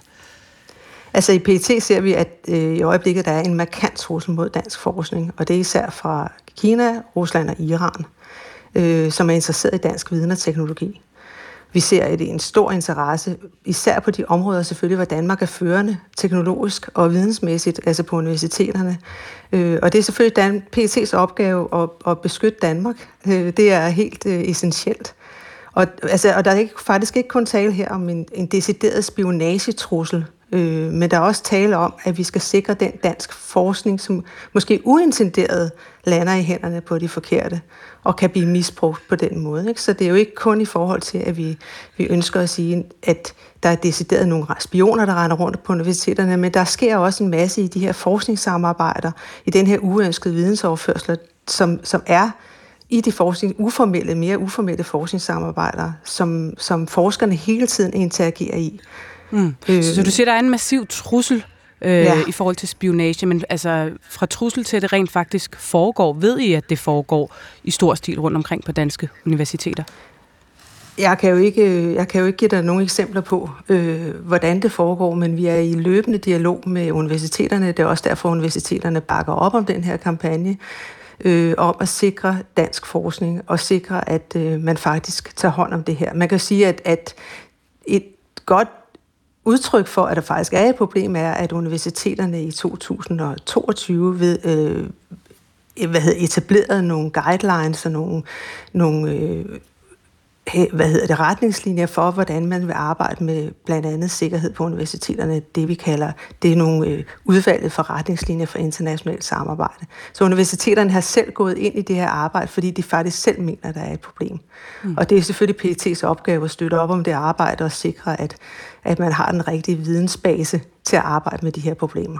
Og når I nu ønsker at tage den her samtale, er det så også fordi I oplever, at danske forskere, altså måske ikke universitetsledelsen, men nede hos hver enkelt forsker, måske ikke tager det helt alvorligt nok i dag? Jeg ved ikke, om man... Øh, det synes jeg ikke, man kan sige. Jeg synes, øh, danske forskere tager det alvorligt, men det er jo en svær en meget, meget svær opgave, for det er også en, og det er også derfor, det kræver noget dialog og noget debat, fordi det er jo en, et hele tiden afvejning af det videnspotentiale, som man kan opnå gennem internationalt samarbejde, varet op for er der en mulighed for misbrug? Er der en mulighed for, at det lander i hænderne på det forkerte? Så der er jo hele tiden en, en afvejning, som skal foretages, og det er jo en svær afvejning. Så det, man kan jo ikke sige, at, øh, at øh, det er fordi, man ikke forstår det. Det tror jeg nok, man gør, men det er et spørgsmål om hele tiden at være opmærksom på, og hele tiden være i en dialog om, hvordan gør vi det her på den bedst mulige måde. Også så vi ikke sikrer, at vi overskrider sådan helt grundlæggende frihedsrettigheder i det danske samfund. Ikke? Så det er sådan en, en ongoing diskussion, som er, som er nødvendig at have øh, i et samfund som det danske. Og I har jo flere gange været, været fremme i jeres risikovurdering, og blandt andet den her fra 2023, hvor der står, at der er en markant bredspektret og vedvarende trussel fra fremmede staters efterretningsvirksomhed mod Danmark. En trussel, øh, som først og fremmest kommer fra Rusland og Kina, står der. Hvordan hænger den vurdering sammen med, med jeres nye kampagne? Jamen, den hænger på den, altså, man kan sige, at, øh, at den måde, vi hidtil har gået til den her trussel på, på universiteterne, har været ved at interagere med ledelserne, sikre, at ledelserne har det rigtige øh, vidensgrundlag og de rigtige redskaber til at arbejde med, med sikkerhed og, øh, i forhold til de her internationale samarbejder. Men det, vi ikke har haft så meget fokus på indtil nu, det er jo alle de uformelle samarbejder, som foregår øh, lidt uformelt, altså i, i at forskere arbejder med internationale øh, andre forskere, og det er ikke noget, man nødvendigvis laver en kontrakt på, men man samarbejder om publiceringer osv. Så, så derfor synes vi, der er brug for nu, at vi rykker et skridt længere ned og siger, at vi går helt ned til forskerens egen praksis, og gør opmærksom på, at der også er nogle dilemmaer her, som, som man måske har sværere ved at indfange øh, på et ledelsesniveau. Ja, det er jo det, fordi nu sætter I en samtale i gang. I kommer med en kampagne, det lyder jo alt sammen meget øh, blødt og fint, men skal der ikke noget mere konkret til, hvis vi skal dæmme op for det her problem? Jo, altså man kan sige, at grundlæggende så er det jo et, et universiteternes ledelsesansvar at sikre, at det her ikke kommer til at ske. Så man kan, man kan jo sige, at det vi, det vi så gør, og det vi bliver ved med at gøre, det er at arbejde med ledelserne for at sikre, at man har de rigtige redskaber til at screene nye ansatte, redskaber til at sikre, at øh, de forskningssamarbejder, man indgår, ikke kompromitterer Danmarks sikkerhed. Og det er jo rigtig langt hen ad vejen et, et, et, øh, det, der er nødvendigt for os for at netop at arbejde med det her.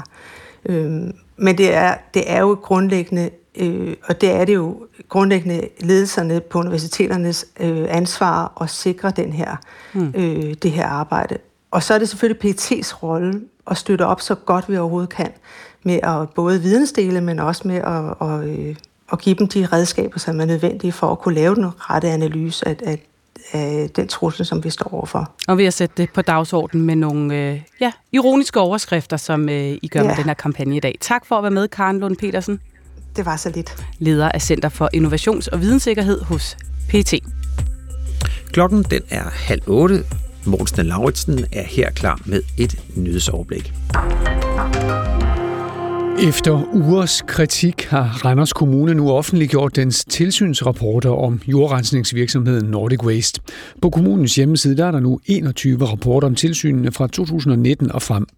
De er udarbejdet i slutningen af den her måned, efter at eksperter og politikere har undret sig højlydt over, at tilsynene ikke var offentligt tilgængelige. Men selvom de altså er det nu, ja, så er det ikke godt nok, siger det socialdemokratiske byrådsmedlem Anker Bøje. Så skulle de have lavet øh, til tiden dengang, at man skulle lave dem, og ikke på bagkant. Jeg synes næsten, det var bedre, at man går ud og lavet, øh, sagt, at man har dem ikke, og man har ikke lavet dem, i stedet for at man begynder at lave noget på bagkant. Det synes jeg ikke, det er i orden. Der kommer markant flere ældre her i Danmark i fremtiden, og i dag ja, der bliver vi så klogere på, hvordan de skal passes, når regeringen i formiddag præsenterer en samlet ældre reform. Allerede nu der ved vi godt nok, at øh, det vil kræve om det, som regeringen kalder helhedspleje. Det betyder, at de ældre selv skal have mere indflydelse på, hvilken hjælp de vil have. Og det er på papiret fint, hvis altså selvbestemmelsen er reel, siger ældresagens vicedirektør Michael Tej Nielsen. Og man får lov til at bestemme inden for et meget snævert menukort, eller om der er så lidt tid til den enkelte, at selvbestemmelsen øh, reelt set bare bliver en illusion. Op imod en halv million palæstinenser i Gazastriben er på randen af hungersnød på grund af den totale blokade for nødhjælp, som Israel har indført under krigen. Det fremgår en omfattende rapport fra FN's fødevareprogram. For der er stadig mange problemer med at få nødhjælpen ind, selvom FN's internationale domstol i sidste uge afgjorde, at Israel skal gøre mere for at forbedre den humanitære situation. Det siger vores udsendte Kim Bilsø Lassen fra Israel. Dels er der en masse restriktioner fra Israels side. Der er en masse ting, man simpelthen ikke må øh, sende ind. Og så er der simpelthen udfordringer med at få de tilladelser, som, der skal, som skal til. Herhjemme, der er det skyde, diset og tåget i dag, og især mod nordvest, der kommer der lidt regn af og til. Mellem 3 og 7 grader og svag til jævn vind omkring syd. Pernille Rudbæk og Bjarne Stensbæk, så skal vi på Rigshospitalet. Det skal vi. For øh, flere patienter er blevet smittet med skimmelsvamp, mens de har været indlagt på Rigshospitalet. Herunder også seks kraftsyge børn, skriver Berlingske i dag. Ja, det sker, det sker jo efter, at øh, Berlingske for nogle uger siden kunne afdække, at Rigshospitalet de seneste fem år har haft problemer med skimmelsvamp. Og ifølge en gennemgang, som avisen lavede på baggrund af data fra Region Hovedstaden, så er der de seneste fem år registreret mindst 110 tilfælde af skimmelsvamp på Rigshospitalet. Og i aften så udkom Berlingske som en ny artikel, man også kan læse i dagens avis, som altså kaster lys over, at patienterne så rent faktisk er blevet smittet med skimmelsvang, mens de var på Rigshospitalet, nogle af dem i hvert fald. Godmorgen, Jannik Breum. Brennum. Godmorgen. Tak fordi I vil have mig med. Jamen ja, tak, fordi tak. du stod tidligt op og havde lyst til at være med. Du er centerdirektør og medlem af direktionen på, på Rigshospitalet. Vi læser altså i dag i Berlingske om patienter, herunder også kraftsyge børn, som er blevet smittet med skimmelsvamp fra jeres lokaler. Hvordan kan det ske?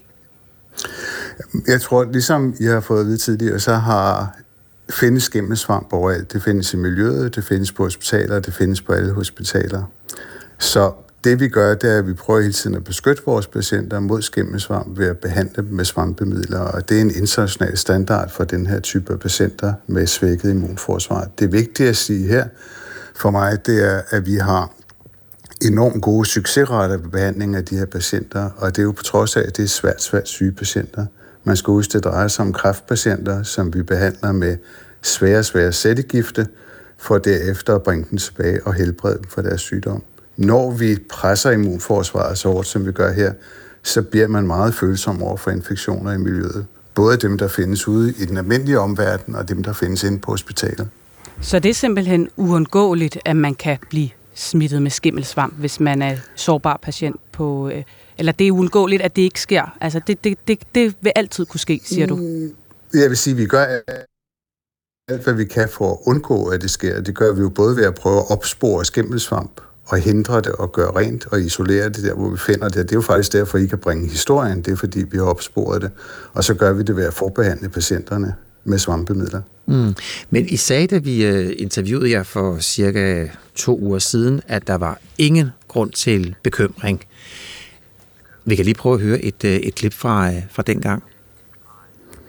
Det kommer her, måske lige finde det frem. Det må du undskylde, men den kommer. Det er med den konstituerede vicedirektør Helen Berndt Andersen. Jeg er selvfølgelig rigtig ked af, at, øh, at artiklerne øh, her i, i weekenden måske kan have været med til at, at øh, bekymre patienter og pårørende, som enten er i behandling eller måske står lige for at skulle det. Og det er der altså absolut ikke nogen grund til. Og nu kan vi så i dagens udgave Berlinske læse, at kræftsyge faktisk er blevet smittet, så var det korrekt det, som vi oplyste dengang? At man uden bekymring kunne tjekke ind på Ja, jeg mener stadig, det er det er stadig korrekt, det Helen Berndt sagde. Øh, der er ingen grund til at være bekymret, når man kommer som patient på Rigshospitalet. Men tager vi den på indersiden af Rigshospitalet, så er vi hele tiden professionelt bekymrede. Det vil sige, at vi leder hele tiden efter ting, der kan udfordre vores behandlingsforløb for at prøve at optimere dem. Den artikel, der er kommet nu, viser data fra tilbage i tiden, vi har fremragende forskere og videnskabsfolk på Rigshospitalet, som nu sådan nærmest Sherlock holmes kan gå ud og lave fingeraftryk på de enkelte svampesporer.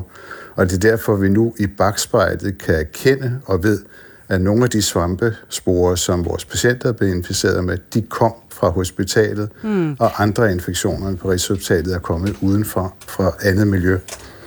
Men det er jo ikke kun tilbage i tiden. Altså, så sent som i 2023, skriver Berlingske, var der også to voksne kræftpatienter, som blev øh, smittet med skimmelsvamp ifølge Berlingske Tidene.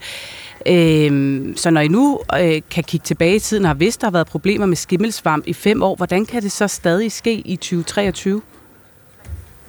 Jamen, det vil ske i 23 og 24 og 25, fordi skimmelsvamp er overalt, så vi vil altid komme i den situation, at nogle patienter, særligt dem, der er voldsomt svækket på deres immunforsvar, vil blive smittet med skimmelsvamp. Det behandler vi dem for. Når den behandling, de får, som det vi kalder profilakse forebyggende, ikke virker, så skifter vi, indtil vi finder den effektive behandling til dem. Så vi ved, det er en risiko. Mm. Hvis vi ikke hårdt behandlede de her patienter for deres kræftsygdom så langt ud, så vi svækkede deres immunforsvar, så ville vi ikke kunne kurere dem for deres kræftsygdom. Så man kan det også lyder, sige det på en anden måde. Ja. Hvis man, ja, hvis man har brug for at komme på resultatet, så vil man ofte være i en situation, hvor det er farligt at være hos os, fordi behandling er farligt. Og det tror jeg, man skal huske den her sammenhæng. Jeg er selv hjernekirurg fra gamle dage, og når jeg opererede, så brugte jeg det meste af min tid i forberedelse op til enhver operation og prøve at gennemtænke, hvad kunne der ske, der normalt ikke plejede at ske, hvordan skulle jeg handle i de situationer for at bringe min patient sikkert igennem operationen. Men Jannik Brennum, det lyder så det som er et om... høj risiko. Ja, du siger, det, sådan, altså, det lyder meget ja. som sådan en, sådan er det bare at, at være på hospitalet, at det her det kan ske. Mm-hmm. Det, det står bare lidt i kontrast til de øh, citater, som Berlingske har for flere eksperter i dag. Jeg kunne starte med overlæge Ole Hilberg fra Vejle Sygehus. Han siger, at det flytter selvfølgelig hele sagen og alvorligheden af den, at det nu er kommet frem, at patienterne er blevet smittet på Rigshospitalet. Vi kunne også tage sundhedsjurist Ken Christensen, som siger, at øh, det her det er oplysninger, som pårørende og patienter burde have været informeret om. Patienterne er uden mulighed for at varetage deres egne rettigheder, når de ikke kender grunden til deres øh, eller deres pårørendes sygdom. De løfter øjenbrynene lidt mere, end du gør her. Er der, øh, er der noget, I skal se på her? Nej, men først vil jeg sige, at jeg synes, jeg er rigtig glad for, at I og andre løfter øjenbrynene og kigger ind på os, fordi det er jo det, der hele tiden skal være med til at holde os på duberne, hvad jeg nu synes, vi er rigtig, rigtig godt i forvejen. Den første kommentar, du havde, synes jeg faktisk, vi har været rundt om. Den anden, det er jo det her med, burde vi have oplyst patienterne om, at de var inficeret med en svampespore, som kom fra Rigshospitalet. Det er tilbage i tid. Det vi snakker om, det er en forskningsartikel, der ikke er publiceret endnu som viser med den hænger Sherlock holmes fingeraftryk på svampene, at det er den samme, som fandtes i huset. Så det er ny viden.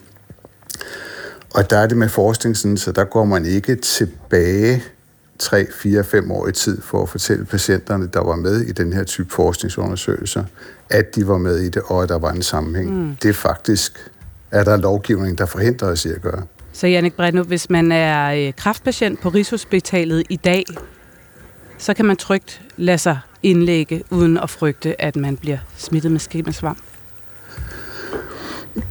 Jeg vil sige, at man kan trygt indlægge sig på Rigshospitalet. Rigshospitalet er et af de bedste steder i verden at komme og blive behandlet. Er der risici ved at komme på Rigshospitalet? Ja, det er der, og det er der ved at komme på alle hospitaler. Det er også vigtigt for mig at formidle det, at enhver behandling bærer risiko for komplikationer. Når vi maksimalt trykker immunforsvaret for at kunne behandle kræftsygdomme, så er der en særlig risiko for at få infektioner. Er der en større risiko på Rigshospitalet? Der er ikke noget i det her, jeg har set, der tyder på, at der er en større risiko for at få en svampeinfektion eller blive alvorligt syg af den på Rigshospitalet end på alle andre hospitaler. Og heller ikke noget, der giver jer anledning til at kigge på, om I skal ændre jeres praksis i forhold til skimmelsvamp på Rigshospitalet?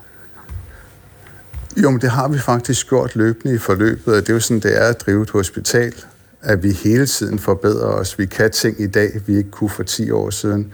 Så snart vi så de her data, hvor vi havde skimmelsvamp og udbrud, så gør vi noget ved det. Vi har flyttet patienterne væk, vi får forsejlet områderne, vi får renoveret dem. Da vi fandt ud af, at den profilakse, vi brugte, som var standard, altså forebyggende svampebehandling, ikke dækkede alle patienter, så skiftede vi, så jeg vil sige, gamet på hospitalsverdenen, det er hele tiden at følge med, hele tiden at kigge, om der er noget, der går anderledes end forventet, og så korrigere. Er den artikelserie, Berlingske her er i gang med at, at bringe, er den øh, en storm i glas vand? Nej, jeg synes ikke, det er en storm i et glas vand, og som jeg sagde, jeg er rigtig, rigtig glad for, at pressen og alle andre kigger os i kortene på Rigshospitalet. Der vil vi meget, meget gerne have en åben politik. Vi vil meget gerne være transparente i forhold til det, vi gør. Det gælder både relationen til den enkelte patient og pårørende, men det gælder sådan set også pressen og hele befolkningen. Og jeg synes, vi har været meget åbne her. Vi har lagt frem præcis, hvad der er sket, og det kommer frem i forskningsarbejder, som alle kan se. Tak for at være med her til morgen, Jannik Brenno. Velbekomme. Centerdirektør og medlem af direktionen på Rigshospitalet. Klokken er blevet 7.42. I går der kom så afgørelsen fra Østre Land, Landsret. En afgørelse, der sagde, at Danmark har ikke pligt til at evakuere en syvårig dansk dreng med somalisk mor fra en syrisk IS-fangelejre. Drengen han er det sidste danske barn tilbage i fangelejren, men retten fastslog altså, at moren, som jo har somalisk baggrund, ikke har citat samme tilknytning til Danmark som andre hjemtagende kvinder. Og dermed ja, så har Danmark ikke pligt til at hjælpe drengen og hans mor til Danmark. Og det var jo altså organisationen Repatriate the Children Denmark, som havde anlagt sagen mod den danske stat. Og øh, i spidsen for organisationen er du, Natasha Reh Mikkelsen. Velkommen til. Tak. Du øh, har jo arbejdet gennem mange år for at få øh, de danske børn ud af de syriske fangelejre. Det er som sagt jeres forening, der har ført sagen, og jeres påstand har jo været, at Udenrigsministeriet har svigtet ved ikke at hente alle danske børn og deres mødre hjem. Hvorfor øh, mener I, at det er vigtigt, at moren skal med til Danmark, når hun nu ikke er dansk statsborger? Det er helt afgørende, at moren kommer med. Det er ikke sikkert, at drengen ville kunne komme hjem uden sin mor. Det vil øh, traumatisere ham yderligere. Det har alle læger, psykologer, der har tilset drengen. Også det, dem, som er udpeget af den danske regering, der har været på besøg i lejren, øh, har vurderet, at det vil være traumatiserende for ham og, og skadeligt øh, for den her dreng, hvis han kom hjem uden sin mor. Og så har vi jo set, at øh, det, øh, man har taget de andre børn hjem sammen med deres øh, mødre, og øh, der er ikke, det er også øh, tvivlsomt, om det er, er lovligt at, at hente ham hjem uden sin mor. Og de kurdiske selvstyre, som øh, øh har fangelejrene, de siger, at de som udgangspunkt ikke vil, vil skille øh, mor og barnet. Vores egen øh, udenrigsminister har også sagt, at, øh, at en, en øh, mor vil jo aldrig lade sig skille fra et sygt barn. Så altså, alt taler for, at den her mor skal hjem sammen med sit barn, eller den her dreng skal have sin mor med. Mm, men drengen er jo så også inviteret til Danmark. Han er velkommen i Danmark. Ja, men hvis han ikke kan komme til Danmark sammen med sin mor, altså, den her dreng, han er fuldstændig uskyldig. Han har siddet i en fangelejr i fem år indespærret øh, under de mest sindssyge forhold. Altså det her, det er, øh, bliver kaldt helvede på jorden. Øh, og Danmark, det her, det er en politisk sag. Danmark kan tage ham hjem, hvis de vil, sammen med hans mor. Og vi har jo set med de andre, at, at det kan lade sig gøre, og at øh, den her øh, kvinde, som øh, hans mor, hun rejste ned som 16-årig, det er helt vanvittigt, hvis Danmark ikke kan håndtere en øh, ung kvinde, der tog afsted øh, som teenager, som var et barn, da hun tog afsted. Øh, han vil blive hentet ud sammen med sin mor af amerikansk øh, militær, af PET, øh, politi, øh, og så vil hun blive fængslet, når hun kom til Danmark, og, og her der har vi nogle af verdens bedste, hvis hun skulle være øh, radikaliseret, øh, hvilket jeg ikke tror, vi har mødt hende rigtig mange gange, men, men hvis hun er det, så har vi nogle af verdens bedste afradikaliseringsprogrammer til at øh, sørge for, at at det kan blive gjort. Men som jeg forstår det, så har drengen jo også familie herhjemme. Der er en moster til barnet, som jeg ved, du også har, har talt med. Så hvis det var så øh, nødvendigt for drengen at komme hjem, er der så ikke for eksempel en moster herhjemme, der vil kunne gribe ham og passe på ham? Jo, altså moren vil jo blive fængslet, når hun kom til Danmark. Men hvorfor så Men... ikke bare sende drengen hjem, så han kan få den behandling, han har behov for? Vi har oplevet også med de andre børn, der er kommet hjem, at det er utrolig vigtigt, at deres øh, mødre er i Danmark sammen med dem, at, at de kan besøge dem i fængslet, at de kan tale med dem i telefonen, at de, at øh, de sociale myndigheder og sundhedsmyndighederne kan have kontakt til, til mødrene, sådan så de ved, hvilken behandling øh, øh barnet skal have, og hvad, hvad barnet har brug for. Hvis han skulle hjem uden sin mor, så ville det måske være farvel for evigt, og det, det tror jeg alle kan sætte sig ind i, hvor traumatiserende det vil være for en lille dreng, der ikke har haft andre end sin mor og moster i alle de år, han har været i en, i en fangelejr indespærret et lille telt. Mm. Du var jo øh, sammen med mosteren i går. Hvordan reagerede familien på den her afgørelse? Familien var utrolig ked af det og, og græd. Altså, at, at de er bange for, at han ikke overlever. At de er bange for, at, øh, han dør nede i den her fangelejr, fordi han er så syg. Øhm, og de havde selvfølgelig håbet på, at, øh, at der ville komme en afgørelse, sådan så at vi skulle ned og hente ham hjem, ligesom at vi har været nede og hente øh, mange af de andre danske børn hjem. Mm, ja, du har været, du har været i, i begge lejre, eller Al-Hol og Al-Rosh-lejre, det har du været flere gange, så du, du kender jo de her lejre, og du har også besøgt den her dreng. Prøv lige at uddybe det, du siger her, at familien simpelthen er bange for, at han ikke, ikke overlever det her. Jamen, drengen, han, øh, han har overlevet et bombeangreb, han har granatsplinter i kroppen, han øh, har haft så mange ørenæse halsinfektioner i fangelejren. Øh, der er, altså, om vinteren er det iskoldt, om sommeren er det altså, meget, meget varmt, og han, øh, de her gentagende ørenæse halsinfektioner har gjort, at han nu næsten er døv på det ene øre, og har nedsat hørelse øh, på det andet øre. Han øh, skal have fjernet mandler, han skal have lagt dræn. Øh, de danske læger, der har tilset ham, vurderer, at det vil være farligt for ham at blive opereret i øh, det område i det nordøstlige Syrien, hvor fangelejrene er, fordi han også er øh, ekstremt undervægtig. Han er traumatiseret efter det bombeangreb, han har oplevet. Han har, er traumatiseret af at have været i fangelejren i så mange år, øh, hvor der er tilbrænde, der er drab, der er, øh, altså det er et, et, et meget, meget frygteligt øh, hvad hedder, sådan, miljø at vokse op i. Øh, der er social kontrol, der er, altså, det, er, det er ikke et sted for børn, og det er ikke et sted for nogen mennesker overhovedet. Øh, så derfor så stopper han også med at trække vejret. Øh, han har vejrtrækningsproblemer, så de våger over ham om natten. Ham, mosteren og moren skiftes til at holde øje med ham. Han er blevet indlagt med ambulance flere gange, hvor han har fået sådan nogle øh, injektioner, øh, fordi han ikke har kunne trække vejret. Så han er meget syg. Mm. Men med det, du beskriver der, hvorfor siger moren så ikke, okay, så tager du hjem til Danmark, men jeg bliver hernede? Fordi at moren øh, vil passe på sit barn, og hun har fået at vide, at det vil være skadeligt for ham at blive skilt fra hende. Og det er jo ikke, fordi det ikke er muligt at sende ham hjem, øh, hvad hedder det, Øh, ud, eller at det ikke er muligt at, at tage hende med. Man kan sagtens, det er jo en politisk beslutning, og derfor har politikerne også et kæmpe ansvar for at hjælpe den her dreng, som er uskyldig, som har været indespærret nu i, i fem år. Så selvfølgelig skal man, ligesom man har gjort med alle de andre øh, danske børn, så han er den eneste ud af 21 børn, som man ikke har tilbudt at komme hjem sammen med sin mor. Og selvfølgelig skal han også have lov til at have sin mor med, når man ved, at det vil skade ham, hvis han ikke kommer hjem sammen med sin, sin mor. Øh, så jeg, jeg kan slet ikke forstå, at man ikke vælger at, at hente ham hjem sammen med sin mor. Altså, Danmark bør kunne håndtere øh, en, en ung kvinde, der er rejst til Syrien øh, på et tidspunkt. Og jeg forstår også udmærket godt det her dilemma for en mor, om hun skal lade sig adskille fra, fra sit barn, men når drengen er så syg, altså hvilke, det må vel alt andet lige have betydet, at der i familien må have været overvejelser, okay, så må du komme hjem til Danmark, hjem til din moster. Der har været mange overvejelser, og øh, vi har også talt med, med moren flere gange, som siger, at hun ønsker, at, sin, at øh, hendes dreng skal vokse op og få et godt liv. Øh, og hun er, håber, at han ikke begår den samme fejltag, som hun gjorde, da hun rejste derned som 16-årig.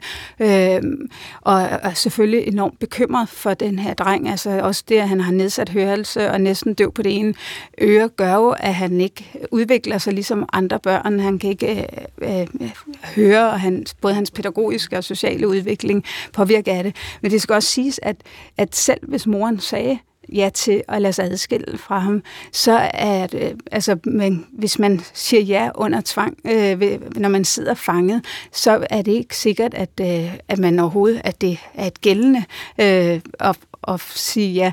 Øh, og det er også tvivlsomt, om det overhovedet er lovligt, øh, fordi moren ikke har forældremyndigheden. Det er faren ifølge syrisk lov, hvor han er født.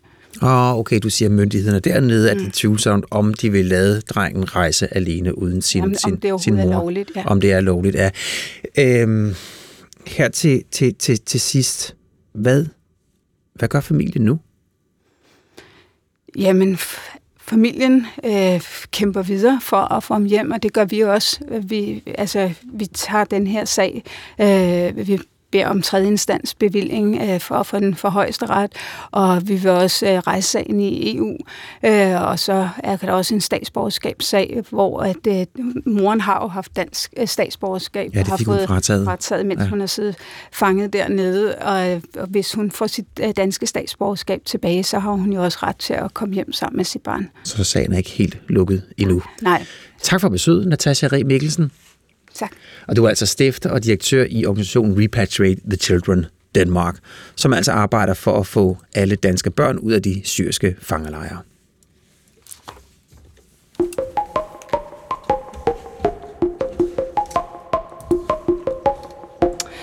De radikale er igen landet i store problemer. Den her gang ikke Folketingsgruppen, men øh, stadig i toppen af partiet. Der er nemlig to meget markante figurer, der nu siger farvel og tak.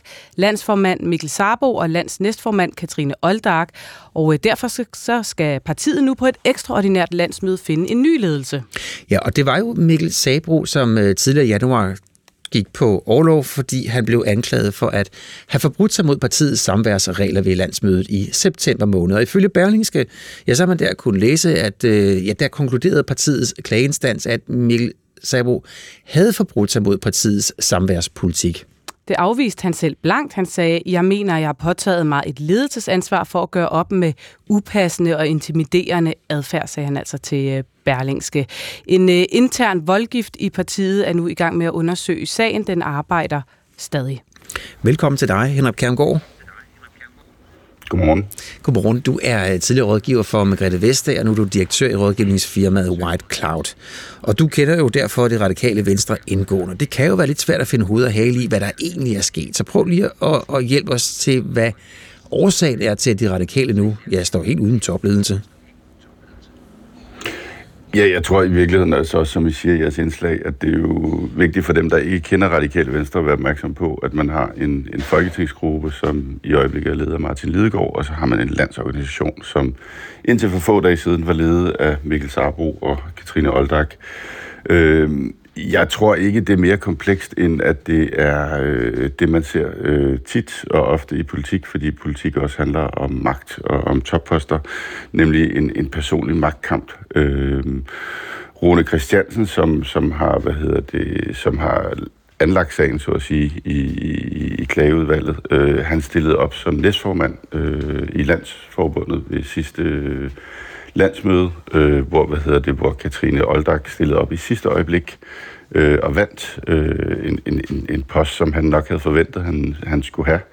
Øh, og det blev han øh, meget utilfreds over, og øh, så vidt jeg har forstået, han blev utilfreds over måden, det foregik på.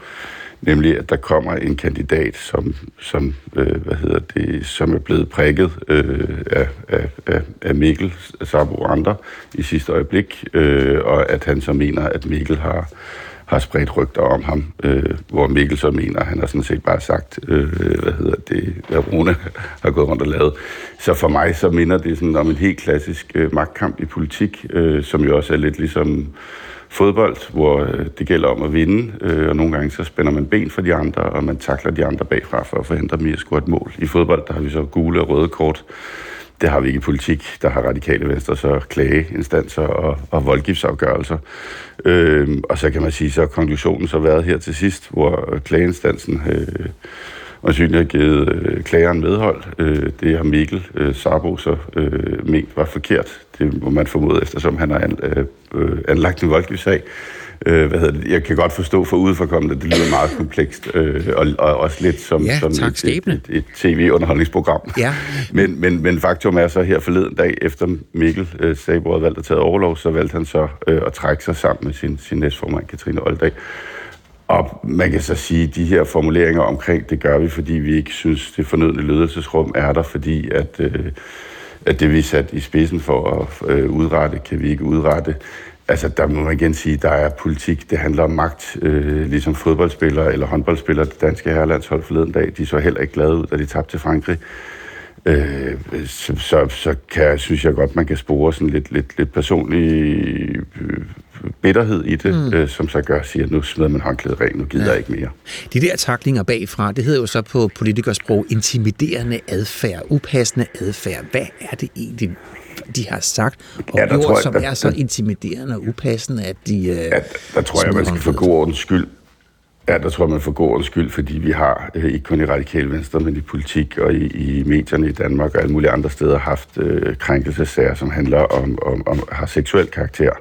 Jeg tror, det er vigtigt at understrege her, at de her sager, så vidt jeg er blevet oplyst, handler om måden, man har talt til hinanden på. Øh, hvad hedder det? Altså, det man nok i, i, på en anden arbejdsplads vil kalde bagtale hinanden øh, i skolegården. Øh, drillerier, ikke? Øh, ja, det er jo og, lidt den man vibe, man det... får, Henrik Kjermgaard, at det, bl- det virker lidt som sådan noget skolegårds fnid og fnader, det her. Jeg synes også, altså det, og det er det, jeg siger, det er det, man skal være, altså jeg, jeg, jeg, der undrer mig lidt ved den her sag, og jeg tror egentlig også, det er derfor, at, at, at Mikkel øh, Sabo og Katrine Oldag vælger at trække sig. Jeg tror sådan set, fordi jeg har kunne fornemme, at der i partiet har været øh, måske især i Folketingsgruppen, som tidligere har haft øh, ballade, men som har sådan set haft ro på et stykke tid nu, at man så bliver irriteret over, at lige pludselig så er det baglandet, øh, der render rundt og skændes i offentligheden, øh, og, og i virkeligheden forhindrer det, man skal, nemlig bedrive politik. Ja, det, det, det, det skulle jeg til at spørge dig om, at, Henrik Hamgaard, fordi nu hørte jeg lige øh, formanden Martin Lidegaard, han var ugens gæst her på P1 i fredag, så han glædede sig over, at det så småt begyndte at gå lidt frem for partiet, og der var ro på osv. Hvor, hvor, hvor, hvor, hvor langt, eller hvor meget udstrakt arm kan han holde det her roderi i baglandet? Jo, altså man kan sige, heldigvis, så kan man sige, for, der er jo nogle gange så er der fordel ved, at Radikal Venstres, øh, eller partiet, øh, er opdelt i en folketingsgruppe, som, som kører uafhængigt og autonom i forhold til landsforbundet og et landsforbund. Andre gange så er det pisseirriterende. Øh, og her, der kan man sige, der kan netop holde det udstrakt arm og sige, det har sådan set ikke noget med hverken hans øh, ledelse eller noget som helst at gøre. Det, der kan være irriterende for Martin Lidegaard og for de andre i folketingsgruppen, det er, at det fylder, og det støjer, og det larmer, og vi andre øh, står lidt og kigger på og siger, uh, er det nu igen ved at blive sådan en butik, hvor ekspedienterne kaster med brosten efter hinanden? Mm. Hvad sker der derinde? Øh, man kan sige, det er jo aldrig, øh, selvom Simon Svig sagde, at alt omtale var god omtale, så er omtale, der handler om, at der er nogle mennesker, der er blevet uvenner med hinanden øh, og, og skændes offentligt, det, det er aldrig brugbart for noget. Nej, fordi han kan jo gå med, med, øh, med det, der er, er sket hos de radikale over de senere år. Sofie Karsten Nielsen stoppede, Morten Østergaard stoppede, og nu ser vi så her endnu to, der, der, der stopper. Hvad siger det om, øh, om det radikale venstre? Jeg ved ikke, jeg synes egentlig ikke, det siger så meget andet, end at det er et politisk parti. Øh, det handler om magt, og derfor ser du de her personer gøre det. ser man også i, i andre partier. Nogle gange så har partier martret af dem øh, voldsomt i en kortere eller længere periode. Øh, vi har lige set de borgerlige øh, tage en lang tur. Øh, vi har tidligere set øh, konservative SF. Det rammer alle partier øh, fra tid til anden, og nu har radikale været igennem en periode, hvor det har ramt dem. Øh, og man kan sige, derfor har de ro på, og derfor tror jeg sådan set også, der er nogen, der har, har sagt, om det er så hovedbestyrelse, forretningsudvalg, nogle af de organer, som er i partiet, som har kigget på Mikkel Sarbo, og muligvis også Katrine Olddag, og sagt, nu stopper festen, nu stopper drenge og piger. Tak for det her, Henrik Kjerngård.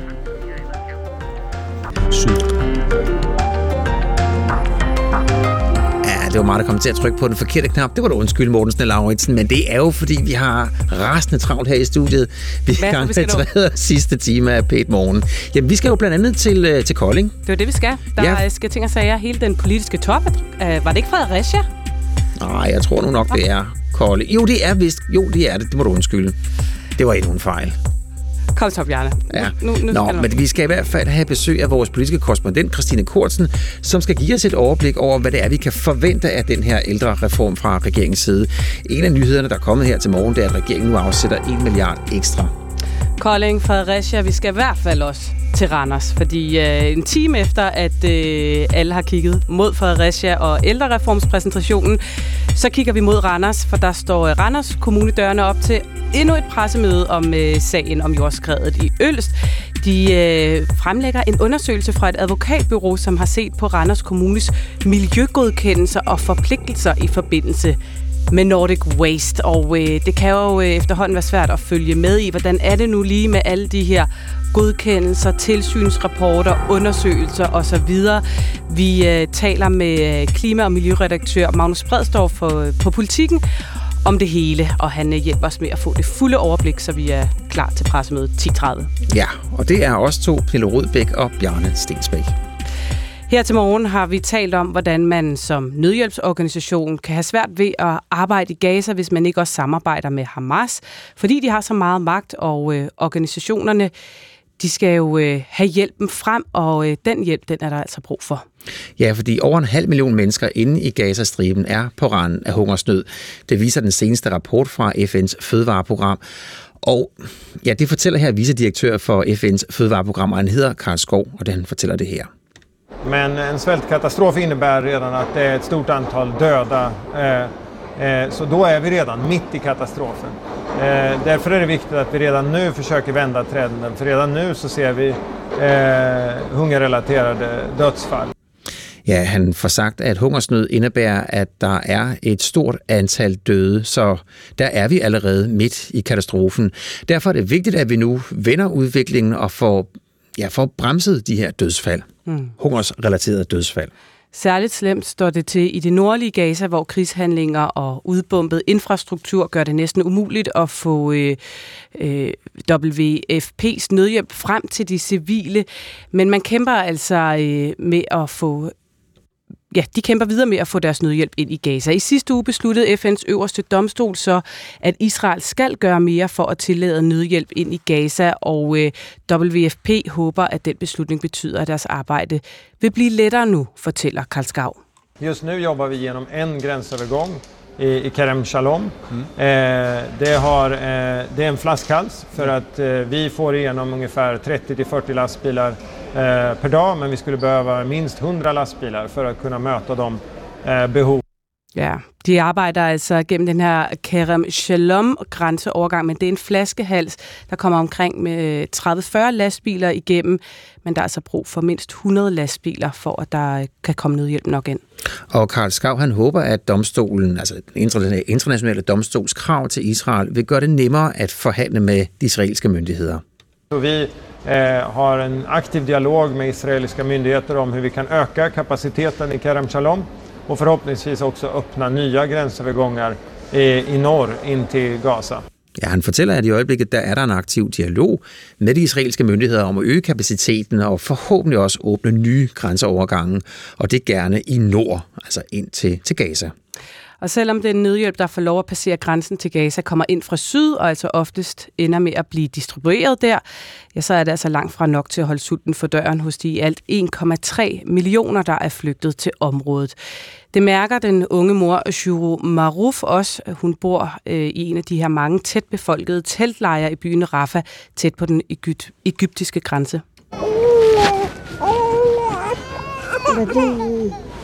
Ja, her er hun øh, flygtet sammen med sin mand og deres øh, to fælles små børn og familiemedlemmer. Og Shuru siger sådan her om situationen. اكل لاولادي مش قادره اجيب لهم انا هذه بنتي بترضع من صدري وبترضع رضعات الاكل اللي انا باكله Jeg kan ikke skaffe mine børn mad. Min datter her bliver armet, og den mad, jeg spiser, burde jeg ikke spise, mens jeg armer. Jeg har spist stærk chili, og det gav hende betændelse at drikke min mælk. Hun har så erstattet mælken til sin datter med vand, men det er urent vand, vil jeg mærke. مجبورين ان نشربها للاولاد لو كانت ملوثه مجبورين بنتي عطشانه بدها تشرب ايش اعمل Vi er nødt til at at give det her vand til vores børn, også selvom det er ja, urent, selvom det er beskidt. Og min datter, ja, hun er tørstig og vil drikke, så hvad skal jeg gøre? Det er ikke med min gode vilje, jeg giver hende det. Det knuser mit, mit hjerte, mens hun drikker det. Ja, og her det har vi endnu ikke fået lov til, at det israelske militær er kommet ind i Gaza, og øh, derfor har det altså kun været muligt for os at høre fra Shuru, fordi vi samarbejder med en lokal palæstinensisk fotograf. Men uh, tæt på Gaza, der er du, Kim Bilsø. Godmorgen. Godmorgen. Du er på vej til Kerem Shalom. Kan det passe grænseovergangen til Gaza? Jamen, det er rigtigt. Jeg er sammen med en karavane af biler, der er fyldt med øh, israelske demonstranter, fordi de protesterer mod, at der kommer nødhjælp ind til Gaza. Øh, gruppen af demonstranter her siger, at øh, indtil alle israelske gisler er ude, så skal man ikke øh, give nødhjælp, og så tilføjer de, at de tror, at det meste af den nødhjælp, der kommer ind, den går til at finansiere øh, krigen mod Israel, og at det er Hamas, der bestemmer, hvad øh, der bliver delt ud til civilbefolkningen, og det bliver ikke meget. Så det her, det er altså en gruppe, der protesterer mod, at den nødhjælp, I lige har talt om, at den overhovedet kommer ind. Er det en stor gruppe? Jamen altså, vi er en, øh, en karavane på en, jeg vil sige, måske en 100 biler. Øh, og, øh, og det er sådan, at, at det er et lukket militærområde lige nu, fordi der har været de her protester i nogle dage. Men gruppen af, af folk, jeg er sammen med her, de kører så tæt på af nogle jordveje, og så stiller de bilerne der, og så går de gennem markerne for at komme ned og blokere for de lastbiler, som altså kører ind. Så øh, det, det er det er sådan lidt specielt, at, øh, at det israelske militær lukker et område, og så er der andre israeler, der, der prøver at presse sig ind. Og det var jo også sjovt at se, at der var masser af militærfolk, der stod og kiggede på, men virkede ikke sådan så ivrige efter at, at stoppe det, der foregik. Og når du så fortæller dem, at FN's fødevareprograms vicedirektøren, han fortæller, at over en halv million mennesker inde i Gazastriben, de er på rand og hungersnød, og at der er eksempler på folk, der er døde af sult, hvad svarer de så? Jamen, det gør ikke noget stort indtryk på dem. De siger, at det er Hamas' ansvar. Det er Hamas, der har indledt krigen, siger de. Og øh, det, øh, de har ret til at øh, bekæmpe Hamas med de midler, som Israel øh, har. Og så siger de, at øh, jamen, hvis de er så optaget af at få nødhjælp ind, så kan de bare slippe alle gislerne løs. Så vil de være indstillet på, at nødhjælpen også skal komme ind. Så øh, altså, de siger, at vi er i en situation, øh, hvor vi er i krig, og det var Hamas, der indledte krigen, så det er deres ansvar, øh, alt det, der foregår inde i Gaza. Men efter at der faldt den her dom i fredags fra, fra den øh, øverste domstol, FN's øverste domstol, så er øh, Israel jo forpligtet, kan man sige, til at gøre mere for at forbedre den humanitære situation i Gaza og få mere nødhjælp ind. Hvordan ser de på den melding? Jamen, jeg tror, hvis du taler med de folk her, og jo også rigtig mange andre israelere, så øh, har de meget, meget lidt respekt for FN. De har meget lidt respekt for også den internationale øh, domstol, som har afsagt den her kendelse, eller kommet med de her udtalelser. Øh, de føler, at øh, det internationale samfund slet ikke forstår, hvad det er for en krig, de er i. En overlevelseskrig, som de siger, det her det handler om, om vores øh, land, at vi kan overleve som nation. Øh, så, så jeg tror lige præcis, de folk, jeg er sammen med her, de har intet som helst til års for, for, for, for udtalelser fra hverken FN eller andre internationale organisationer i virkeligheden. Mm. De er optaget af, at, øh, at deres gisler kommer ud, og at man vinder krigen mod Hamas. Alt andet er de faktisk relativt ligeglade med. Altså, stoler de ikke på oplysningerne om, at der er sult inde i Gaza? Jamen, jeg tror ikke, øh, altså de siger, at det, det er ikke øh, det, der bekymrer mest, og hvis, øh, hvis det er, der er sult, og jeg har talt med andre israeler, som siger, at det der naturligvis påvirker dem, men de mener, det er Hamas' ansvar, det er ikke deres. Det er Hamas, der indledte krigen, gentager de med deres terrorangreb 7. oktober, og vi har måttet svare igen. Og, og de konsekvenser, der er af det svar, det er Hamas' ansvar, så det er dem, der står med skylden for, at øh, civilbefolkningen nu er i den situation, den er i. Og det er jo nogle voldsomme, øh, voldsomme udsagn, du her refererer, men du har jo rejst meget rundt i, øh, i Israel. Så de udsagn, du hører her, altså flugter det sådan bare sådan, sådan nogenlunde med, hvad du ellers hører rundt omkring i Israel, eller stikker det her dog voldsomt ud? Nej, altså det må jeg sige, det, det svarer meget godt til sådan det, der er den generelle opfattelse. Øh, jeg tror, at nogle af de her er, nogle af de mere rabiate typer. Jeg tror, de er parate til at gå ret langt. Øh, men, men det er der også øh, mange andre israelere, der er. Det er klart, der findes også masser af israelere, som siger, at de er meget bekymrede over den humanitære situation i Gaza. Men det er ikke dem, der sidder i regering. Det er ikke dem, der er sådan de toneangivende lige nu. Og, øh, og jeg, jeg tror, man kan sige, at efter den 7. oktober, på begge sider i virkeligheden, er sådan lysten til kompromis, lysten til at komme hinanden i møde, blevet mindre. Og det gælder også på den israelske side, øh, hvor de siger, jamen altså, vi tager hånd om, om det, vi skal tage hånd om, og det er at forsvare os selv, bekæmpe Hamas, alt andet, det er Hamas' skyld. Og nu er du på vej ned til grænsen sammen med den her karavane af 100 biler, siger du, med, med demonstrationer eller demonstranter, som øh, altså er imod, at der skal nødhjælp ind i Gaza. Vil de nøjes med at demonstrere, eller har de tænkt sig at forsøge at forhindre nødhjælpen i at komme ind? Ja, de har tænkt sig at forsøge at blokere for lastbilerne. Øh, vi har set, at der er temmelig meget militær, øh, og øh, vi ved ikke, hvordan de vil reagere mod det. Øh, de forsøgte også at gøre det i går. Der fik de ikke Øh, held med at blokere for de lastbiler. Ikke så mange lastbiler, men dog nogen, der kom ind.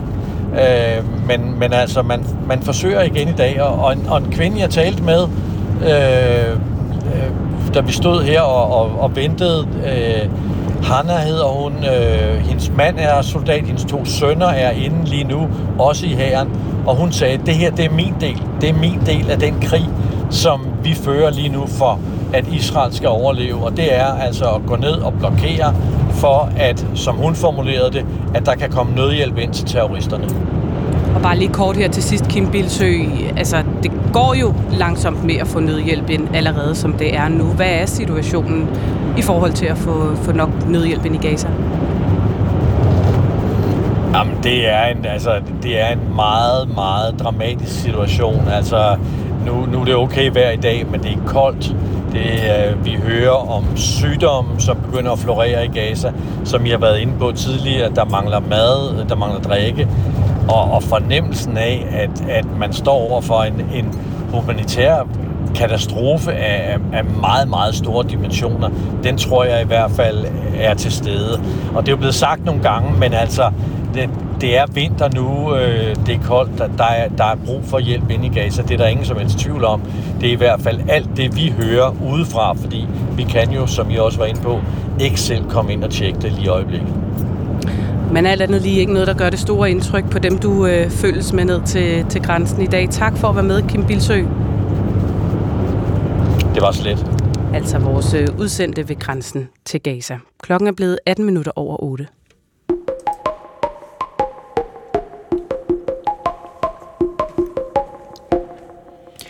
Plejehjemmet Bertram Knudsens have i Kolding får i dag besøg af statsminister Mette Frederiksen, vistatsminister og forsvarsminister Troels Lund Poulsen. Udenrigsminister Lars Løkke Rasmussen er der også, og ældreminister Mette Kirkegaard.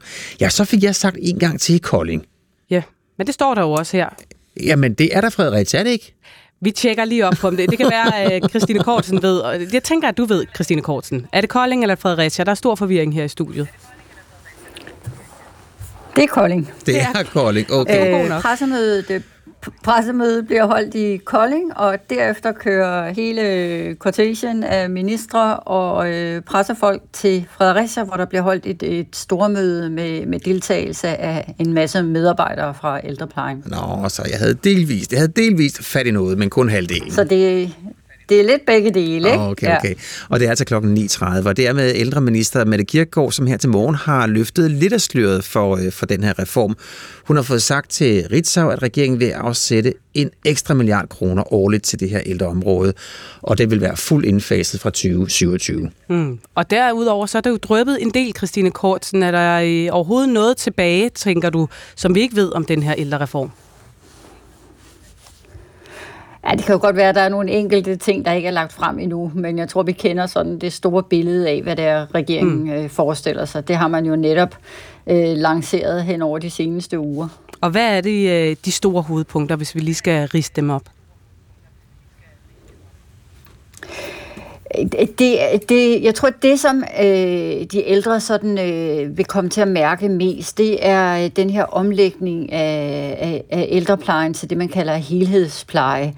Altså hvor man i dag, når, når man får tildelt øh, hjemmehjælp, så sidder der en fra kommunen og gør op i minutter. Du har, får så så mange minutters rengøring, så så mange minutters øh, personlig pleje, så så mange minutter til det ene og det andet. Det system skal øh, skrottes, og så skal, man, øh, skal de ældre fremover visiteres i nogle kategorier. Jeg tror, man regner med tre kategorier. Øh, lille, mellem og stor. Øh, så får man så øh, til en kategori, som består af, af, nogle minutter. Ja, det lyder som om, vi har ikke der er langt til Kolding et i dag. udfald, men flere udfald på den her linje til uh, Christine Kortsen. Vi kan lige prøve, Kortsen, er det, er, det, er det bedre nu? Kan du høre os? Det lyder ikke som om, der er hul igennem til, til Kolding endnu. Nu har jeg så gjort oh. rent i, i 8 minutter oh. og så videre. Det skal, det skal være mere selvbestemmende. Christine Kortsen, du faldt altså øh, desværre lige ud, mens du sikkert har opridset alle de øh, mest spændende hovedpunkter øh, her. Du kom lige tilbage til noget med, med rengøring. Jeg ved ikke, om du sådan det kan altså simpelthen koge det ned til en øh, knivskarp bouillonterning øh, ganske kort. Så fremover bliver det sådan, at man bliver visiteret til ældrepleje i en øh, kategori, hvor man har et bestemt antal tid eller, eller en pose penge, og inden for det skal det faste team, som, øh, som skal hjælpe den ældre, og den ældre selv finde ud af, hvad der er brug for. Mm-hmm. Og det er jo simpelthen altså, toppen af hele regeringen. Det er statsministeren, det er forsvarsministeren, altså man formanden for Venstre jo, formand for Moderaterne, og, øh, og så ældreministeren, der bliver kørt i stilling til det her. Hvorfor er den her reform så vigtig for regeringen? Jamen det, så det er jo en regering, som er øh, bagud på point i meningsmålingerne og har, har brug for øh, at få en bedre start over for, for danskerne. Men den her øh, sådan øh, omfattende frisættelse af den offentlige sektor, som, som regeringen selv har beskrevet i sit regeringsgrundlag, det, det er jo regeringens helt store prestigeprojekt, og der er det her altså det første store skridt. Og så er det jo også simpelthen, altså det er jo vigtigt for, for regeringen, selvom den har siddet et stykke tid nu, stadigvæk at vise danskerne, hvorfor var det øh, nødvendigt at få den her, eller vigtigt at få den her regering hen over midten. Hvad er det, den kan, som andre regeringer ikke har, har kunnet. Og der er det her med omfattende reformer af, af velfærden øh, det, det aller, aller vigtigste. Så, så det her, det skal helst blive en succes for regeringen. Mm. Men når vi sådan kigger tilbage, eller det har ekstra, ekstrabladet gjort i dag, kigger tilbage på øh, de sidste 5, 6, 7 år, helt tilbage ja, fra 2018, så har de så fundet pressemøder, de har fundet politiske udspil, og fra 18 og frem kan man se, hvert eneste år er det kommet med planen så, nu skal ældreplejen blive bedre. I den plan, vi præsenterer i dag, hvad er det der, som er anderledes end øh, de ja, nærmest årlige planer, vi har set siden 2018? Ja, det er jo noget af regeringens øh, udfordring, altså overhovedet at få danskerne til at tro på det her, fordi der har været snakket så meget om det øh, de seneste mange år. Men, men det regeringen gør, er, at man, man laver simpelthen grundlæggende om på, på den måde, hjemmeplejen fungerer på skrotter det, der er nu, og, og laver et helt nyt system, som der altså bliver, skal lovgives om, så, øh, så det er noget, man sådan øh, skal indføre. Men det er jo klart, at regeringen har den udfordring, at øh, det er jo ude i de 98 kommuner, det her, hele den her store omstilling skal, skal foretages, så de er jo afhængige af, at man spiller med helt ude i kommunerne og, og helt ude hos den, øh, den enkelte hjemmeplejer, at man kan få systemet til at, at fungere. Så, så det er jo ikke noget, der bare sådan lige øh, øh, ændrer sig, fordi man vedtager en ny lov. Tak til dig, Christine Kortsen. Selv tak. Og det er altså pressemøde kl. 9.30. Der kan man jo gå ind på øh, DR TV og, øh, og følge, følge pressemødet. Bølgerne gik højt, da byrådet i Randers i aftes mødtes for første gang siden øh, de overtog oprydningsarbejdet ved Nordic Waste, og øh, igen, i dag sker der ting i Randers. En, øh, en time efter pressemødet i Kolding, ja, så øh, holder kommunen i Randers et øh, pressemøde, hvor man præsenterer en juridisk redegørelse om Nordic Waste, og hvor kommunens egen rolle vil blive undersøgt. Men midt i alt det her juridiske togtrækkeri, ja, så er der jo mennesker, der bor lige, eller ja, ved jordskredet, nemlig i Ølst. Og i den her uge, ja, der sætter vi her i Pet Morgen øh, fokus på, på de mennesker i den by. Det er vores kollega Morten Runge, der har været på tur, og øh, her der får han inviteret sig selv indenfor hos øh, Jens Skov Andersen. Vi skal lige sige, at i det her indslag, ja, så fortæller Jens Skov Andersen, at han øh, i fjernsynet hørte, at øh, byen Ølst var eller ville være truet af et øh, jordskæld. Vi skal lige gøre opmærksom på, at der var faktisk et orienteringsmøde fra, fra kommunen inden da. Der står et kæmpe træ i Jens Skov Andersens have. Er det et stort bøgetræ? Det er et stort bøgetræ, ja. Og der hænger en øh, gynge? Der hænger min børnebørns gynge i øh, et stort træ, altså, som er 120 år gammel. Det er sådan en klassisk reminder om, at tiden går, og det også er okay. En gang legede børnene under det, og nu, som han siger, børnebørnene på 5 og 7 år, nu får de en tur på gyngen eller klatrer op i det. Det danner jo, øh, hvad skal man sige, ligesom rammen for hele, for hele vores hus. Forstået på den måde, at, at om sommeren, så er der jo dejligt køligt her. Om vinteren, så er der, så er der jo ikke nogen blade på, men så dækker træet jo at lave en fantastisk, øh, en fantastisk figur ude i haven. Både i sol og i, i måneskin, kan man sige. Så her bor familien Skov Andersen, og det har den altid gjort. Vi har jo en gang for mange år siden fundet det sted her, præcis det sted, vi gerne vil have. Her kunne vi se, at vi kunne øh, have vores børn, vi kunne det var, der var frisk luft, der var fine omgivelser, der var bakker, der var dale, der var å, der var vand. Øh, der var endda fisk i vand på det tidspunkt. Så derfor blev Øls det sted, som vi gerne vil, vil være. Men nu er træet truet. Eller kan jeg vide, om det egentlig kan klare at få 5 meter lettere forurenet jord rundt om stammen. Men det røde præstegårdslignende hus, haven, der går ned til Alling Å, den nydeligt revne gårdsplads, værkstedet, kontoret, det ved man jo ikke rigtig mere, hvad der sker med. Heller ikke selvom en ekspert for nylig sagde, at nu har man fået taget en del af farten af bunken. Det er ekstremt stressende. Det, det er, altså vi taler, jo, vi taler jo stort set ikke om andet her i huset. Der, der er jo kun det her på dagsordenen hele tiden. Hvad nu hvis? Og har man, har man nu også tænkt på det her? Har man nu øh, har man overvejet øh, forskellige scenarier, ikke? Og hvad hvis at vi nu, hvis, lad os nu se, at, at, om, om det her kan ske, og, og hvem siger, at det ikke kan ske? Jens Skov Andersen har drevet sit elfirma i Ølst, så lang tid nogen kan huske. Vi sidder på hans kontor. Det er herfra, der er udsigt til haven. Han har været nødt til at sætte virksomheden på pause i de her uger, fordi der er så mange, der ringer. Langt flere journalister end kunder. Jeg var for eksempel lige ved at få historien om, hvorvidt børnene synes, der var noget negativt ved at bo i Lille Øls, da de var små. På det tidspunkt, hvor de boede, så ville de sige, jamen, hold nu kæft, mand, nu skal vi køre os til sport. Vi skal, vi skal køre os øh, det ene og det andet sted hen. Nå ja, vil du, vil du den, eller? Ja, jeg gør bare det. Det er Jens Skov Det var en journalist, der gerne ville vide, hvad Jens Skov Andersen tænker om det hele. Og han synes faktisk, det er hårdt sådan at skulle sige, hvordan han har det hele tiden, særligt når det er live. Det, det er faktisk svært at få det sagt, man gerne vil have sagt, sådan bare lige i et interview, fordi jeg burde måske også lige have fortalt det her, og, og hvad med det her? Fik jeg nu det vendt rigtigt? Er det nu i virkeligheden det her, jeg mener? Eller var det i virkeligheden noget andet, der var et lidt, lidt tungere for mig? Det er ikke bare telefonen på kontoret, der ringer hele tiden. Jeg får også en besked undervejs fra en anden journalist. Hvornår er du færdig med Jens Skov Andersen? Ja, hvornår er man færdig? Man kommer netop i tanker om ting hen ad vejen. For jo, for eksempel, det er faktisk også vigtigt at sige, hvordan det foregik dengang, de fik det at vide, Jens Skov Andersen og konen, at der var en gigantisk jordbunke på vej for måske at sluge deres hus. Det så de første gang direkte på tv. Jeg sad så fjernsyn, og så var der nogen, der fortalte, hvad, der stod i den her rapport. Det lyder helt vildt. Det er, var meget, meget overvældende, og er stadigvæk. Vi, det, er vi er simpelthen, det er vi ikke kommet over, over endnu. Det var ikke sjovt. Hvad gør man med sådan en information? Ja, men tror vi, tror vi på det, altså tror vi på, at det kan gå så galt. Og så er vi jo nødt til at sige, altså det er jo kompetente folk, der sidder og, og laver de her beregninger, så det er vi nok nødt til at, ligesom at sige, det er nok det scenarie, at vi er nødt til at kigge ind i. Det hele bliver endnu mere absurd af, at Jens Skov Andersen faktisk ikke selv har set jordbunken. Der er ikke adgang for offentligheden, så han har ikke selv kunne gå rundt i de ødelæggelser, den har lavet. Han har ikke set, hvordan den har slugt gammel Aarhusvej og spyttet bøjet autoværner, halvtykket asfalt ud igen, jævnet Nordic Waste bygninger med, ja, jorden.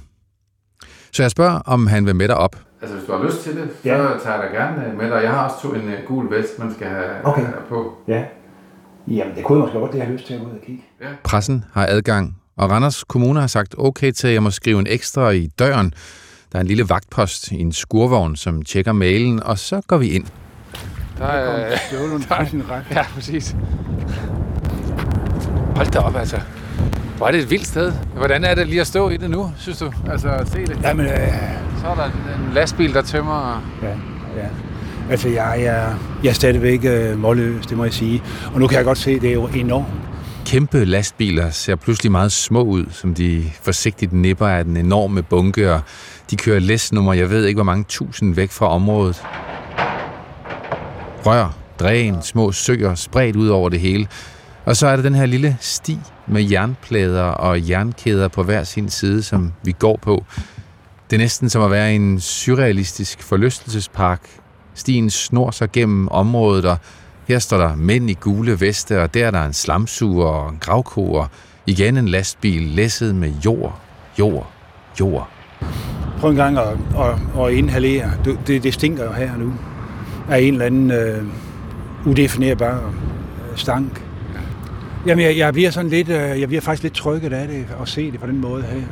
Ja, det fortalte altså Jens Skov Andersen til Morten Runge ude på det store jordbjerg, hvor der jo altså i øvrigt for første gang blev adgang for ølsborgerne i søndags, hvor Randers Kommune så alligevel tænkte, at det måske var meget godt at give borgerne mulighed for selv at tage ud og se det. Så de fik en times rundtur. Ja, men vi vender jo efter nyhedsoverblikket tilbage til, til Randers. Gør vi nemlig. Der er jo pressemøde i dag 10.30. Vi ser frem mod pressemødet. Hvad vi ved om alt det her godkendelser, tilsynsrapporter osv., som øh, florerer lige nu. Øh, det gør vi sammen med Magnus Bredstorff fra Politikken, klimaredaktør på Politikken, lige efter et nyhedsoverblik. Som kommer her klokken, den er halv ni.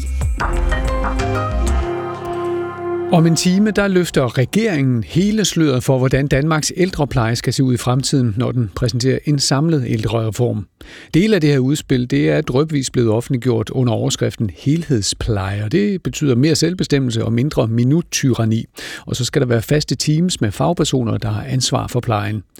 I Viborg Kommune, der har de allerede taget hul på, hul på det her med den frie ældrepleje, det er med stor succes, fortæller leder hjemmeplejen Tanja Murphy.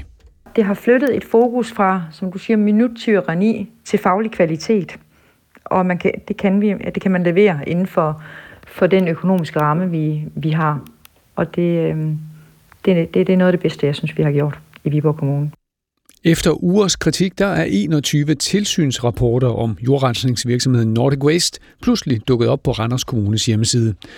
I årvis har kommunen ellers ikke offentliggjort de rapporter, som den er forpligtet til at lave og også offentliggøre, når den har været på besøg hos virksomheden. Og de her nye tilsynsrapporter dækker over besøg fra 2019 og frem, men de er først blevet lagt på hjemmesiden i går. Og det ryster Anker Bøje, der er Socialdemokratisk byrådsmedlem. Næsten uanset hvordan de er lavet, så skulle de have lavet øh, til tiden dengang, at man skulle lave dem, og ikke på bagkant. Så man kan jo sige, at jeg begynder godt nok at blive noget mere rystet over at høre sådan ting. En halv million palæstinenser i Gaza er på randen af hungersnød, fordi israelerne ikke tillader nok nødhjælp at komme ind i det krigsramte område. Det fremgår en omfattende rapport fra FN's fødevareprogram. Og det er situationen, selvom den internationale domstol har bestemt, at Israel skal gøre mere for at forbedre den humanitære situation. Som sagt, vi har insisterat på ett bättre tillträde under många veckor och vi hoppas att... Vi har i flere uger insisteret på, at vi vil have bedre og lettere adgang, og vi håber, at den her seneste afgørelse fra retten yderligere forstærker vores argument, sagde her Karl Skav, der er vicedirektør i FN's fødevareprogram. Herhjemme der bliver det skyde, diesel og tåget i dag, og især mod nordvest der kan der komme lidt regn er til. Mellem 3 og 7 grader og svag til jævn vind. Pernille Rudbæk og Bjarne Stensbæk. Regeringen holder altså pressemøde om en lille time. Om små to timer, så sker der jo altså også noget. Ja, der er det Randers Kommune, der slår dørene op til endnu et pressemøde om øh, sagen om jordskredet i Ølst. Ja, her vil Codex-advokaterne fremlægge en undersøgelse af Randers Kommunes miljøgodkendelser og forpligtelser i forbindelse med Nordic Waste, hedder det. Og det skriver kommunen i en pressemeddelelse. Godmorgen, Magnus Bredstorff. Godmorgen, Magnus Bredstorff. Godmorgen. Klima- og miljøredaktør på Politikken. Hvordan kan det være, at Randers Kommune har bestilt sådan en her undersøgelse fra et advokatfirma? Øh, ja, det har kommunen jo, fordi den selv er under voldsom beskydning for ikke at have udført øh, sit tilsyn med Nordic Waste og øh, deponiet af jord oppe ved Øls tilstrækkeligt. Og, og så har den bedt en advokat om at se på i hvert fald nogle aspekter af, hvordan den selv har forvaltet miljølovgivningen. Mm. Er det et spørgsmål, de har fået igen og igen i kommunen? Hvad er jeres ansvar i hele den her øh, skandale? Jeg ved, du selv har været ude og, og gå tur med kommunaldirektøren ved jordskredet for nogle uger siden. Hvordan øh, forløb den samtale? Ja, men jeg var, jeg var mere end en smule overrasket, fordi kommunaldirektøren Jesper K. Schmidt, han, han totalt afviste, at kommunen kunne have gjort noget som helst anderledes. Han havde absolut ingen fortrydelse overhovedet med, hvordan kommunens sagsbehandling havde været. Og det er jo noget overraskende, når man går rundt med en unik øh, miljøskadesag i Danmark og, og ser jorden vælte ned og lastbiler kører bort og sådan noget, og man tænker, ah, er det, ikke, er det ikke vigtigt, at kommunen her står ved sin fejl, eller og eller prøve at finde ud af, hvor kunne miljølovgivningen være bedre, så andre kommuner kan slippe for at havne i noget tilsvarende. Men hvad sagde han til dig? Men hvad sagde han til dig? Jamen, han sagde, at, øh, at kommunen ikke havde mulighed for at bestille sin egen vurdering af, om der var risiko for jordskred. Kommunen var nødt til at stole på det, som Nordic Waste havde sagt. Og her skal vi jo altså huske, at så sent som en halv time før en dæmning bræst og jorden væltede ud over den gamle landevej mellem Randers og Aarhus den 19. december, der sad kommunens folk sammen med Nordic Waste, og de troede alt for godt, og jorden ville blive der inden. Kommunen troede det også. Og set i det lys er det jo lidt mærkeligt, at, at kommunen ikke mener, at den har haft mulighed for at handle anderledes. Hvordan kan det ske med et tilsyn efter tilsyn efter tilsyn? Ja, det er da et fantastisk godt spørgsmål, som jeg ville ønske, at jeg havde svaret på, men det er jo noget noget af det, vi måske får en del af svaret på i dag, og så er der byrådsmedlemmer i Randers, som på et, et meget højrøstet byrådsmøde i går forsøgte at få en kan sige, mere uddybet rapport, end den kommunen vil fremlægge i dag, en, en helt kuglegravning af kommunens sagsbehandling for, øh, for, hvordan det kan ske. Det er jo netop det, vi skal finde ud af, så vi kan forhindre, at det sker igen. Mm. Men grunden til, at jeg spørger dig, Magnus, det er jo også fordi, at øh, i aftes der kunne Berlingske afsløre, at øh, kommunen under sin 17 tilsynsbesøg ikke lavet en eneste rapport. De alle lavet lang tid efter, at man fysisk var ude hos virksomheden. Og det betyder, at alle rapporter fra besøgende, faktisk helt tilbage fra marts 2021, først nu er blevet udgivet. Og det er en praksis, som Miljøstyrelsen jo i Berlingske allerede har vendt tommelfingeren ned til. Hvad siger det om Randers Kommunes tilsyn? Ja, altså på det her, til, i det her tilfælde, der siger de jo, at det siger kommunen jo selv til Berlingske, at, at den har ikke fulgt reglerne. Det har den ikke. Men i sig selv siger det, at du ikke har lavet en rapport, jo ikke, at der ikke har været tilsyn. Altså det, det, det siger jo kun, at offentligheden har ikke kunnet følge, hvordan det tilsyn er foregået, fordi de rapporter skulle også offentliggøres. Øh, men vi skal jo dybere ned for at kunne sige, om kommunen også har svigtet sin tilsynspligt ude på stedet. Nu ved vi, at den har svigtet sin rapporteringspligt.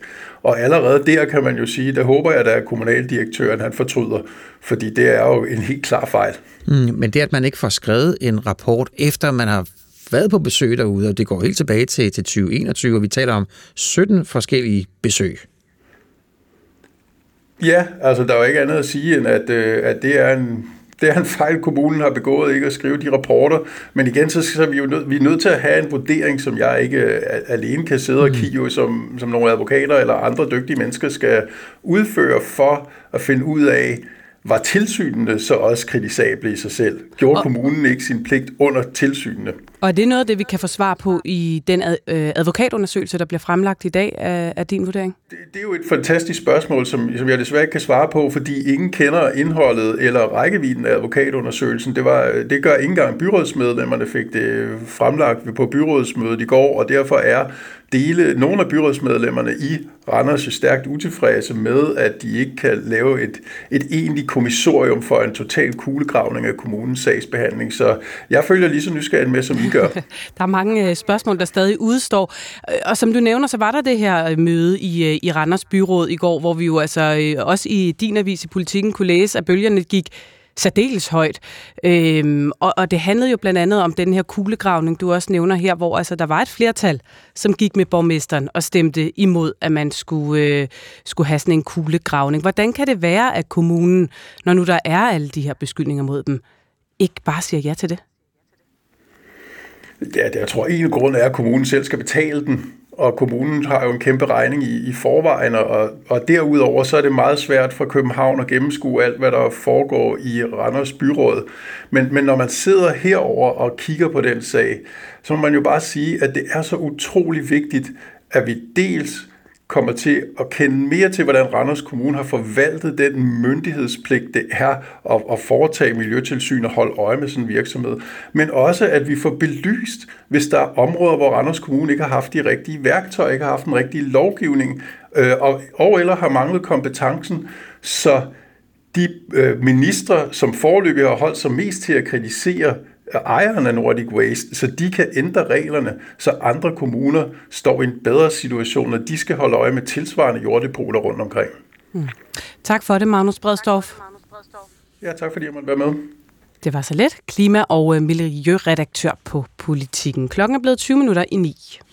Den lettiske politiker og medlem af Europaparlamentet i, ja, faktisk i næsten 20 år, Tatjana Zednoga, har siden 2004 leveret information om parlamentets arbejde til den russiske efterretningstjeneste, altså FSB.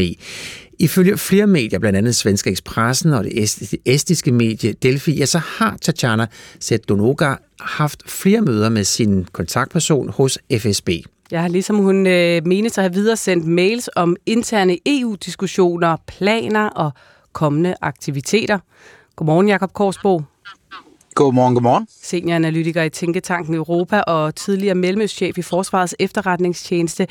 Hvad er det for nogle informationer, som hende her, Tatjana Stanoka, ej, det kunne jeg ikke engang udtale, Stanoka, hjælp mig lige her, hun har lægget. Stanokova. Stanokova. Ja, jeg kan dårligt huske det selv. ja, hvad, ved, hvad ved vi om de informationer, hun øh, har lægget?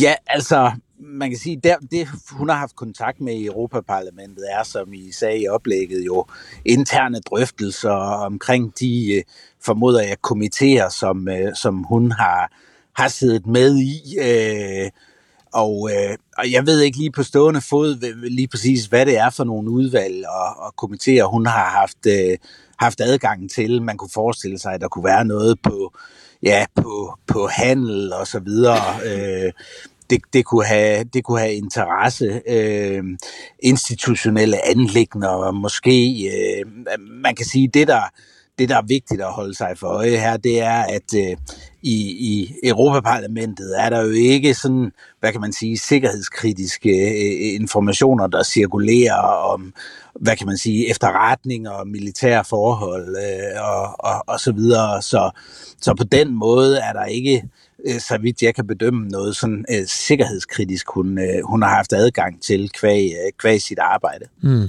Og så er det din pointe er, at den virkelige værdi er, er at have hende, samarbejde med hende, det måske nærmere er noget andet, nemlig hendes evne til at påvirke opinionen i, øh, i Letland. For hun er jo kendt for sit, øh, ja, sit meget pro-russiske tilhørsforhold. Ja, korrekt. Altså, man kan sige, der, der er jo agenter på øh, mange forskellige niveauer, og som øh, efterretningstjenester kan bruges kan bruge til mange forskellige ting. Hende her har jo aldrig lagt skjul på sit, øh, hvad kan man sige, pro-russiske sindelag, og, og, og derfor har hun nok mere været det, man i FSB har set som en, en, en mulig påvirkningsagent øh, på, på opinionen i, i navnlig, øh, navnlig Letland. Øh, og, og ikke, altså man kan sige, hvis, hvis, hvis hun havde været sådan en undercover-agent, der havde givet sig ud for at være noget andet, og haft adgang til sikkerhedskritiske informationer øh, og, og så videre, så havde, det, så havde han jo nok fået en nyk op på, på kriseskalaen. Men, men her har, er det jo noget, som hun ikke har holdt skjult, og hun har jo rejst på Krim og i Rusland og til Syrien med russisk øh, hjælp. Så, så, så der, jeg tror ikke, der er nogen, der har været i tvivl om, øh, hvad, ja, hvad, hvad, hvor hendes sympatier lå. Mm. Er hun en, øh, en lille fisk? Ja, nej, men altså man kan sige, hvis, hvis, du, hvis du udskiller det segment, der hedder påvirkningsagenter, så, så kan hun jo godt have været en, øh, en relativt stor fisk. Men øh, sådan set fra et snævert sikkerhedsmæssigt perspektiv, så har hun nok været en relativt lille fisk. Men, øh, men altså påvirkningsagenter øh, findes der jo øh, overalt, øh, og givetvis også i, i, i Danmark. Øh, og, øh, og, og dem, øh, dem holder FSB jo ved lige øh, i alt det omfang, de, øh, de overhovedet kan, øh, for at simpelthen få for pro-russiske historier ud og for at underminere sammenholdet i Vesten. Så, så det, er en, altså, det er en helt klar øh, øh, ting, som de er, er tæt involveret i øh, hver eneste dag. Mm. Sådan i, i det miljø blandt øh, efterretningsofficerer, jeg jo kors på, hvordan taler man der om FSB? Altså er de store, er de stærke, er de effektive? Jamen altså, de er, de er store, øh, hvad kan man sige, ikke altid så øh, raffinerede og, og nytænkende, men omvendt øh, dygtige til det, de kan. Og, og der kan man sige ikke mindst øh, propagandaelementet øh, er, de, øh, er de rigtig dygtige til, og, og sådan øh, det, det rent håndværksmæssige, ja, øh, bestemt. Og det, altså, det er jo en stor øh, tjeneste, og, øh, og en øh, tjeneste med rigtig mange øh, midler, og det har også til en vis grad ret. Øh, og, og det er jo så også derfor, vi har set de her kæmpe hvad kan man sige, udsendelser, øh, hvor, hvor de er simpelthen blevet erklæret personer non grata og, og, og blevet hjemsendt øh, fra, fra nogle af de lande, hvor de har været udstationeret på, på ambassader og, øh, og den slags. Mm. Så er det stadig sådan, øh, altså det er et, øh, det er et efterretningsvæsen, som, øh, som man her i Vesten har, har stor respekt for? Jamen det er det, uh, absolut, uh, absolut. Uh, og uh, der var nok uh, nogle år, hvor, hvor det virkede som om, at, uh, at det var lidt mere på uh, ude på, på, på gyngende grund, uh, uh, da, da Sovjet brød sammen, og, og, og inden der sådan kom, øh, da der var opbrudstendenser, kan vi jo kan vi sige i Rusland. Og, øh, men, øh, men det er jo det er blevet samlet op, og øh, disciplinerne er de, øh, er de klassiske, øh, og, øh, og omfanget af deres aktiviteter er, er rigtig, rigtig øh, stort, øh, også i øh, Vesten. Selvfølgelig navnlig i de lande, der grænser op til, øh, til Rusland. Øh, så, og, og specielt hvor der er de her russiske mindretal, som de kan, øh, de kan fiske i. Øh, så, så, så på den måde er der stor respekt om. Mm, og som er et mindretal, som uh, Tatjana Zetdoroga tilhører. Tak for det her, Jacob Korsbo. Selv tak og god dag. I lige måde, du er senioranalytiker i Tænketanken Europa, og så er du tidligere mellemøstchef i Forsvarets efterretningstjeneste. Ja, sådan blev klokken 8.47.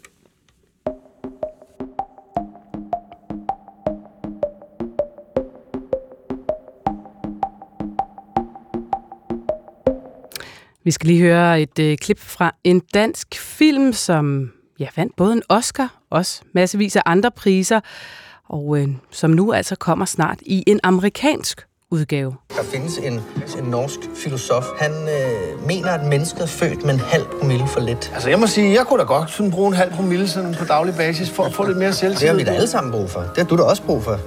Jeg synes, det er spændende. Det gør jeg også. Så det er det, vi gør. Afhældning. Daglig indtagelse af alkohol. Ja. Tilstræbt til konstant niveau på en halv promille. Med henblik på indsamling af evidens ja. psykologiske og psykoretoriske følgevirkninger samt undersøgelse af forøget social og faglig ydeevne. Det er kun i arbejdstiden, vi drikker, ikke? Men det er jo Kun i arbejdstiden, vi drikker, for det her sagt. Mm. Det er øh, naturligvis øh, traileren fra filmen Druk, som jo altså øh, handler om fire venner, der udforsker en teori om konstant at være en lille smule alkoholpåvirket for at blive en bedre udgave af sig selv. Ja, og det var jo altså en kæmpe succes, den her film. Og det betyder, at nu vil øh, komikeren Chris Rock, hedder han, det er ham, der øh, blev slået i ansigtet af Will Smith. Ja, Ja. Det er det, han er mest kendt for efterhånden. Ja, og nu vil han sammen skuespilleren Leonardo DiCaprio sætte sig for bordenden en amerikansk indspilning af den her film. Og det er øh, på engelsk, der får den øh, titlen Another Round. Det var i hvert fald det, man kaldte druk, da den, øh, den skulle indstilles til en Oscar og skulle have en engelsk titel. Om, jeg ved ikke, om den nye titel også skal hedde det. Det kan vi jo øh, Hmm. spørge dig om, Anne Lind Andersen. Godmorgen og velkommen til. Godmorgen. Filmkritiker og, og journalist. Ved vi, om den skal hedde Another Round? Øh, altså det, det er der ikke nogen bekræftelser på øh, nogen steder. Øh, det kan være en arbejdstitel, fordi det, det lige præcis er, som du siger, øh, det var den engelske titel på, på den danske film. Mm. Øh, men altså, man, og, og man kan se på, på øh, statistikken af, hvad, vi har tid, hvad der tidligere er blevet lavet remakes af danske film, så øh, har man faktisk øh, sådan nogenlunde beholdt titlen. Altså Speak No Evil kommer til august øh, i, en- i en udgave med James McAvoy, øh, Christian Taftrufs film, og den hedder stadigvæk Speak No Evil. Øh, så der er jo en stor sandsynlighed for, at druk stadigvæk kommer til at hedde Another Round. Og så kommer det altså til at være med Chris Rock som instruktør og Leonardo DiCaprio som producent, eller som skal producere. Det er jo to øh, ret prominente navne, må man sige. Hvad, hvad, hvad forventer du dig af den her amerikanske udgave af druk? Jamen, jeg synes konstellationen faktisk er ret interessant. Altså, at det er jo Leonardo DiCaprios produktionsselskab øh, Appian Way, der jo var ret hurtigt ude til at købe rettighederne. Men det skete jo for et par år siden, og øh, så har man nu fået sat øh, Chris Rock på, som øh, både skal... Altså, der er lavet et, et første udkast til manuskriptet, og det skal Chris Rock så være med til at skrive om på, åbenbart, og så også instruere. Øh, og han er i gang med at posi- positionere sig som instruktør. Han, vil, han har jo lige bebudet, at han vil gerne øh, koncentrere sig om at blive instruktør, sådan lige nu i sin karriere frem for at være komiker.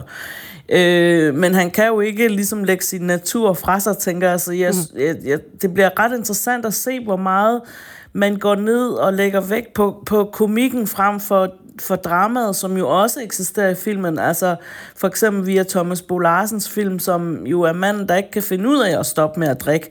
Og det har jo nogle tragiske konsekvenser. Øh, så så hvor, hvor, hvor dramaagtigt øh, Leonardo DiCaprio og Chris Rock vælger at gå, det for, eller om man vælger for eksempel at gå full on øh, komi, øh, øh, ko, komedievejen, altså så kunne jeg da godt forestille mig sådan en en Will Ferrell spille med i det der ensemble, det synes jeg kunne være ret sjovt. Men jeg tvivler faktisk lidt på, at det er den vej, man går i sidste ende. Så du tænker, at de ikke nødvendigvis kommer til at gå ned ad den mere komiske retning? Nej, jeg tror, altså både Leo, Leo er jo en alvorlig fætter, ikke? Altså mm. alt, hvad han lever, er meget, meget seriøst. Øhm, og øh, han har ikke lavet sådan, jo, altså han har lavet komedier, hvis man kan kalde Wolf of Wall Street med Martin Scorsese en komedie. Øhm, hvilket det jo er langt hen ad vejen, men den rummer jo også nogle ret øh, øh, beske sandheder, kan man sige, om det miljø, den beskriver. Og jeg tror lidt, at de, at de vil gå ned ad samme vej, og Chris Rock som sagt vil gerne tage, blive taget alvorligt som instruktør, og det gør man ikke med en full-on komedie. Altså, så, så, så skal man lave noget, noget forholdsvis alvorligt øh, drama, og, så jeg tror mere, at sandsynligheden er, at man går ned ad den vej. Og så konstellationen, tænker jeg, som du siger, vel meget fin, hvis man vil både rumme øh, noget øh, underspillet øh, komik, og samtidig indholde dramaet, man har både Chris Rock og Leonardo DiCaprio til at, og ligesom at indfange det, øh, det rum, der er der? Øh, ja, altså nu øh, ved jeg ikke, hvor, hvor frie hænder Chris Rock får. Altså han er jo lidt kommet ind på, ind på projektet nu, og så skal det jo lige siges, at Altså, øh, og det er jeg jo vant til, fordi jeg beskæftiger mig med film. Jeg ved, hvor lang tid tingene tager. Altså, vi snakker ikke om en film, der kommer ud i år eller til næste år. Jeg tror mere sandsynligt, at det, det bliver altså 20, 25, 26, 27. Øh, vi snakker derude i fremtiden. Ikke? Det tager det er en lang proces. Øh, men men øh, ja, ja, altså, konstellationen af de to er rigtigt. Det, det er interessant, og jeg tror, det bliver mere alvorligt, end man måske sådan lige umiddelbart forventer af en mand som Chris Rock.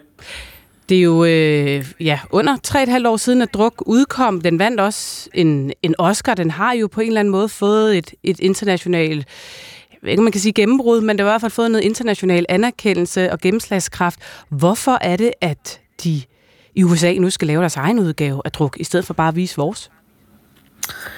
Jamen, det har jo lidt været en stående joke. Bong Joon-ho, den koreanske instruktør, jokede med det ved, ved sin Oscar-takketale. Men amerikanerne har lidt svært ved, ved de der to millimeter ned, nederst i skærmen, nemlig det, der hedder subtitles, altså tekster øh, på, på, på øh, film. Og derfor har man egentlig altid haft en, en uh, tradition for at lave remakes, i stedet for at sætte tekster på øh, udenlandske film. Øhm, og, det, og, så, og så kan man sige, så er det jo også en måde at tjene endnu flere penge på, hvis man kan lave sin egen udgave. Og, øh, og i øvrigt så, altså danske film har jo en ret god, altså god tradition for at få lavet øh, amerikanske remakes. Der har også været de dårlige, men inden for de seneste år har vi set sådan en Gustav Møllers, den skyldige, blev lavet med Jake Gyllenhaal, øh, som sagt Speak No Evil. Vi har set Bill August Stille Hjerte, vi har set Biers Brødre, vi har set sågar øh, Ambulancen blevet lavet en remake af Michael Bay, og nu øh, står øh, Anders Thomas Jensen, øh, Retfærdighedens Rytter, står jo som det næste projekt øh, på spring, øh, der skal laves. Rettighederne er købt. Altså, så, så danske film har, har haft øh, et, et godt forlænget, øh, en god forlænget levetid ved at blive lavet om til amerikanske remakes. Mm. Glæder du dig til at, at se den, eller tænker du, åh, oh, det her det er bare endnu et forsøg på at, ja, mest af alt bare lave penge? Ja, altså det er jo altid med lidt bæven, vil jeg sige, man ser en remake af en, en god dansk film. Altså hvis det er en mindre øh, øh, god dansk film, så er jeg ikke, ikke så nervøs ved det. For det er sådan et, okay, gør med det, hvad I vil. Men når man har en så vellavet film, som, som, som Druk er, så er det selvfølgelig, øh, man tænker, at det bliver lidt ærgerligt, hvis de kommer til at lave, lave en udgave, som ikke er lige så god. Og, og det er desværre den vej, statistikken ligesom viser, at øh, kvaliteten ikke er lige så høj på de amerikanske remakes. Hmm. Men se den, det skal du. Det skal jeg i hvert fald. Helt og sikkert. hvornår er det, du øh, har sat kryds i kalenderen til det, cirka? ja, men tidligst øh, 25. Jeg tror mere sandsynligt, vi er ude i sådan noget øh, 2026-27. Vi øh, sætter også et forsigtigt kryds i kalenderen en gang et par år ude i fremtiden. Tak for det, Anne Lind Andersen. Ja, selv tak. Filmkritiker og øh, journalist. Ja, men så lad os da lige høre øh, lidt fra filmen. Don't wanna worry terrified to be on the other side. How long before I go insane? What a life.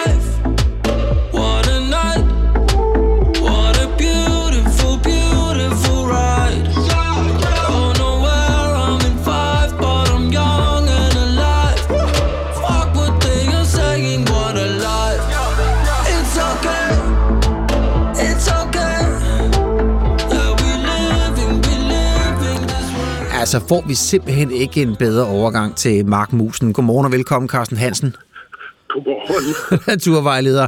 Hvordan går med den Mark Mus for tiden? Jamen, det går rigtig godt for den markmus. Og øh, altså, for det første så må vi lige sige, at øh, det er ikke så koldt, som dengang jeg skrev det her indlæg og fandt på, at vi skulle snakke om det. For dengang lå der jo stadigvæk sne i Nordjylland, og det gør der altså ikke. Men netop fordi sneen er væk, så kan vi se, hvordan markmusene har det. Man kunne godt gå og få den tanke, at de her stakkels små dyr med så korte ben som markmus, de må da have det ganske forfærdeligt svært, når der kommer et tykt snelag. Men det har markmusen faktisk ikke. Den har det rigtig, rigtig godt, fordi den graver nye gange ned under sneen. Markmusen lever lidt både over og under jorden, og den lever af planteføde.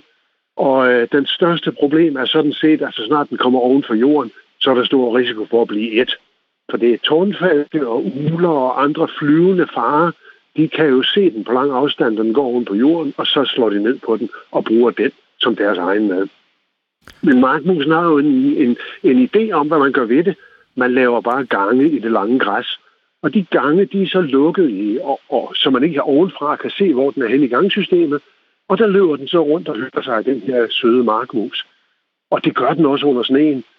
For øh, ved det tykke snefald, jamen så er det jo endnu nemmere at lave gange.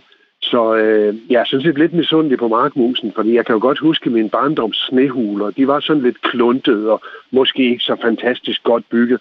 Men markmusen, der skal jeg da love for, at den kan lave snehuler. Ja, det der Waterlife, det passer, det passer perfekt. Den har Ja, det gør det. Ja. Det gør det. Ja, ja.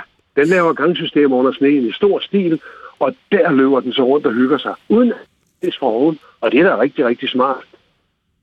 Ja, og når nu vi taler om Waterlife, så er det også endnu en del af Mark Musens øh, livsførelse, der er Waterlife, fordi den får unger, mange unger. Hvor mange kan den egentlig komme op på i løbet af, Ja, af en sæson? altså sådan en, en teori, at den kan få 50 unger på et år.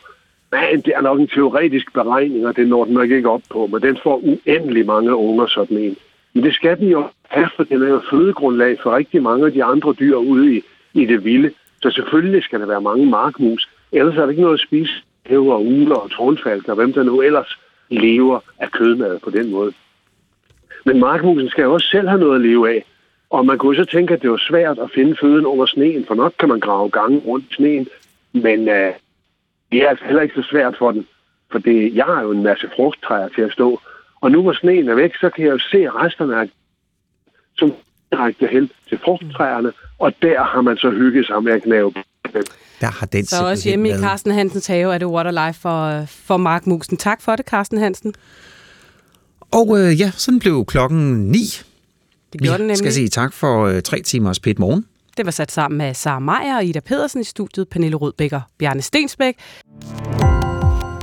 Gå på opdagelse i alle DR's podcast og radioprogrammer. I appen DR Lyd.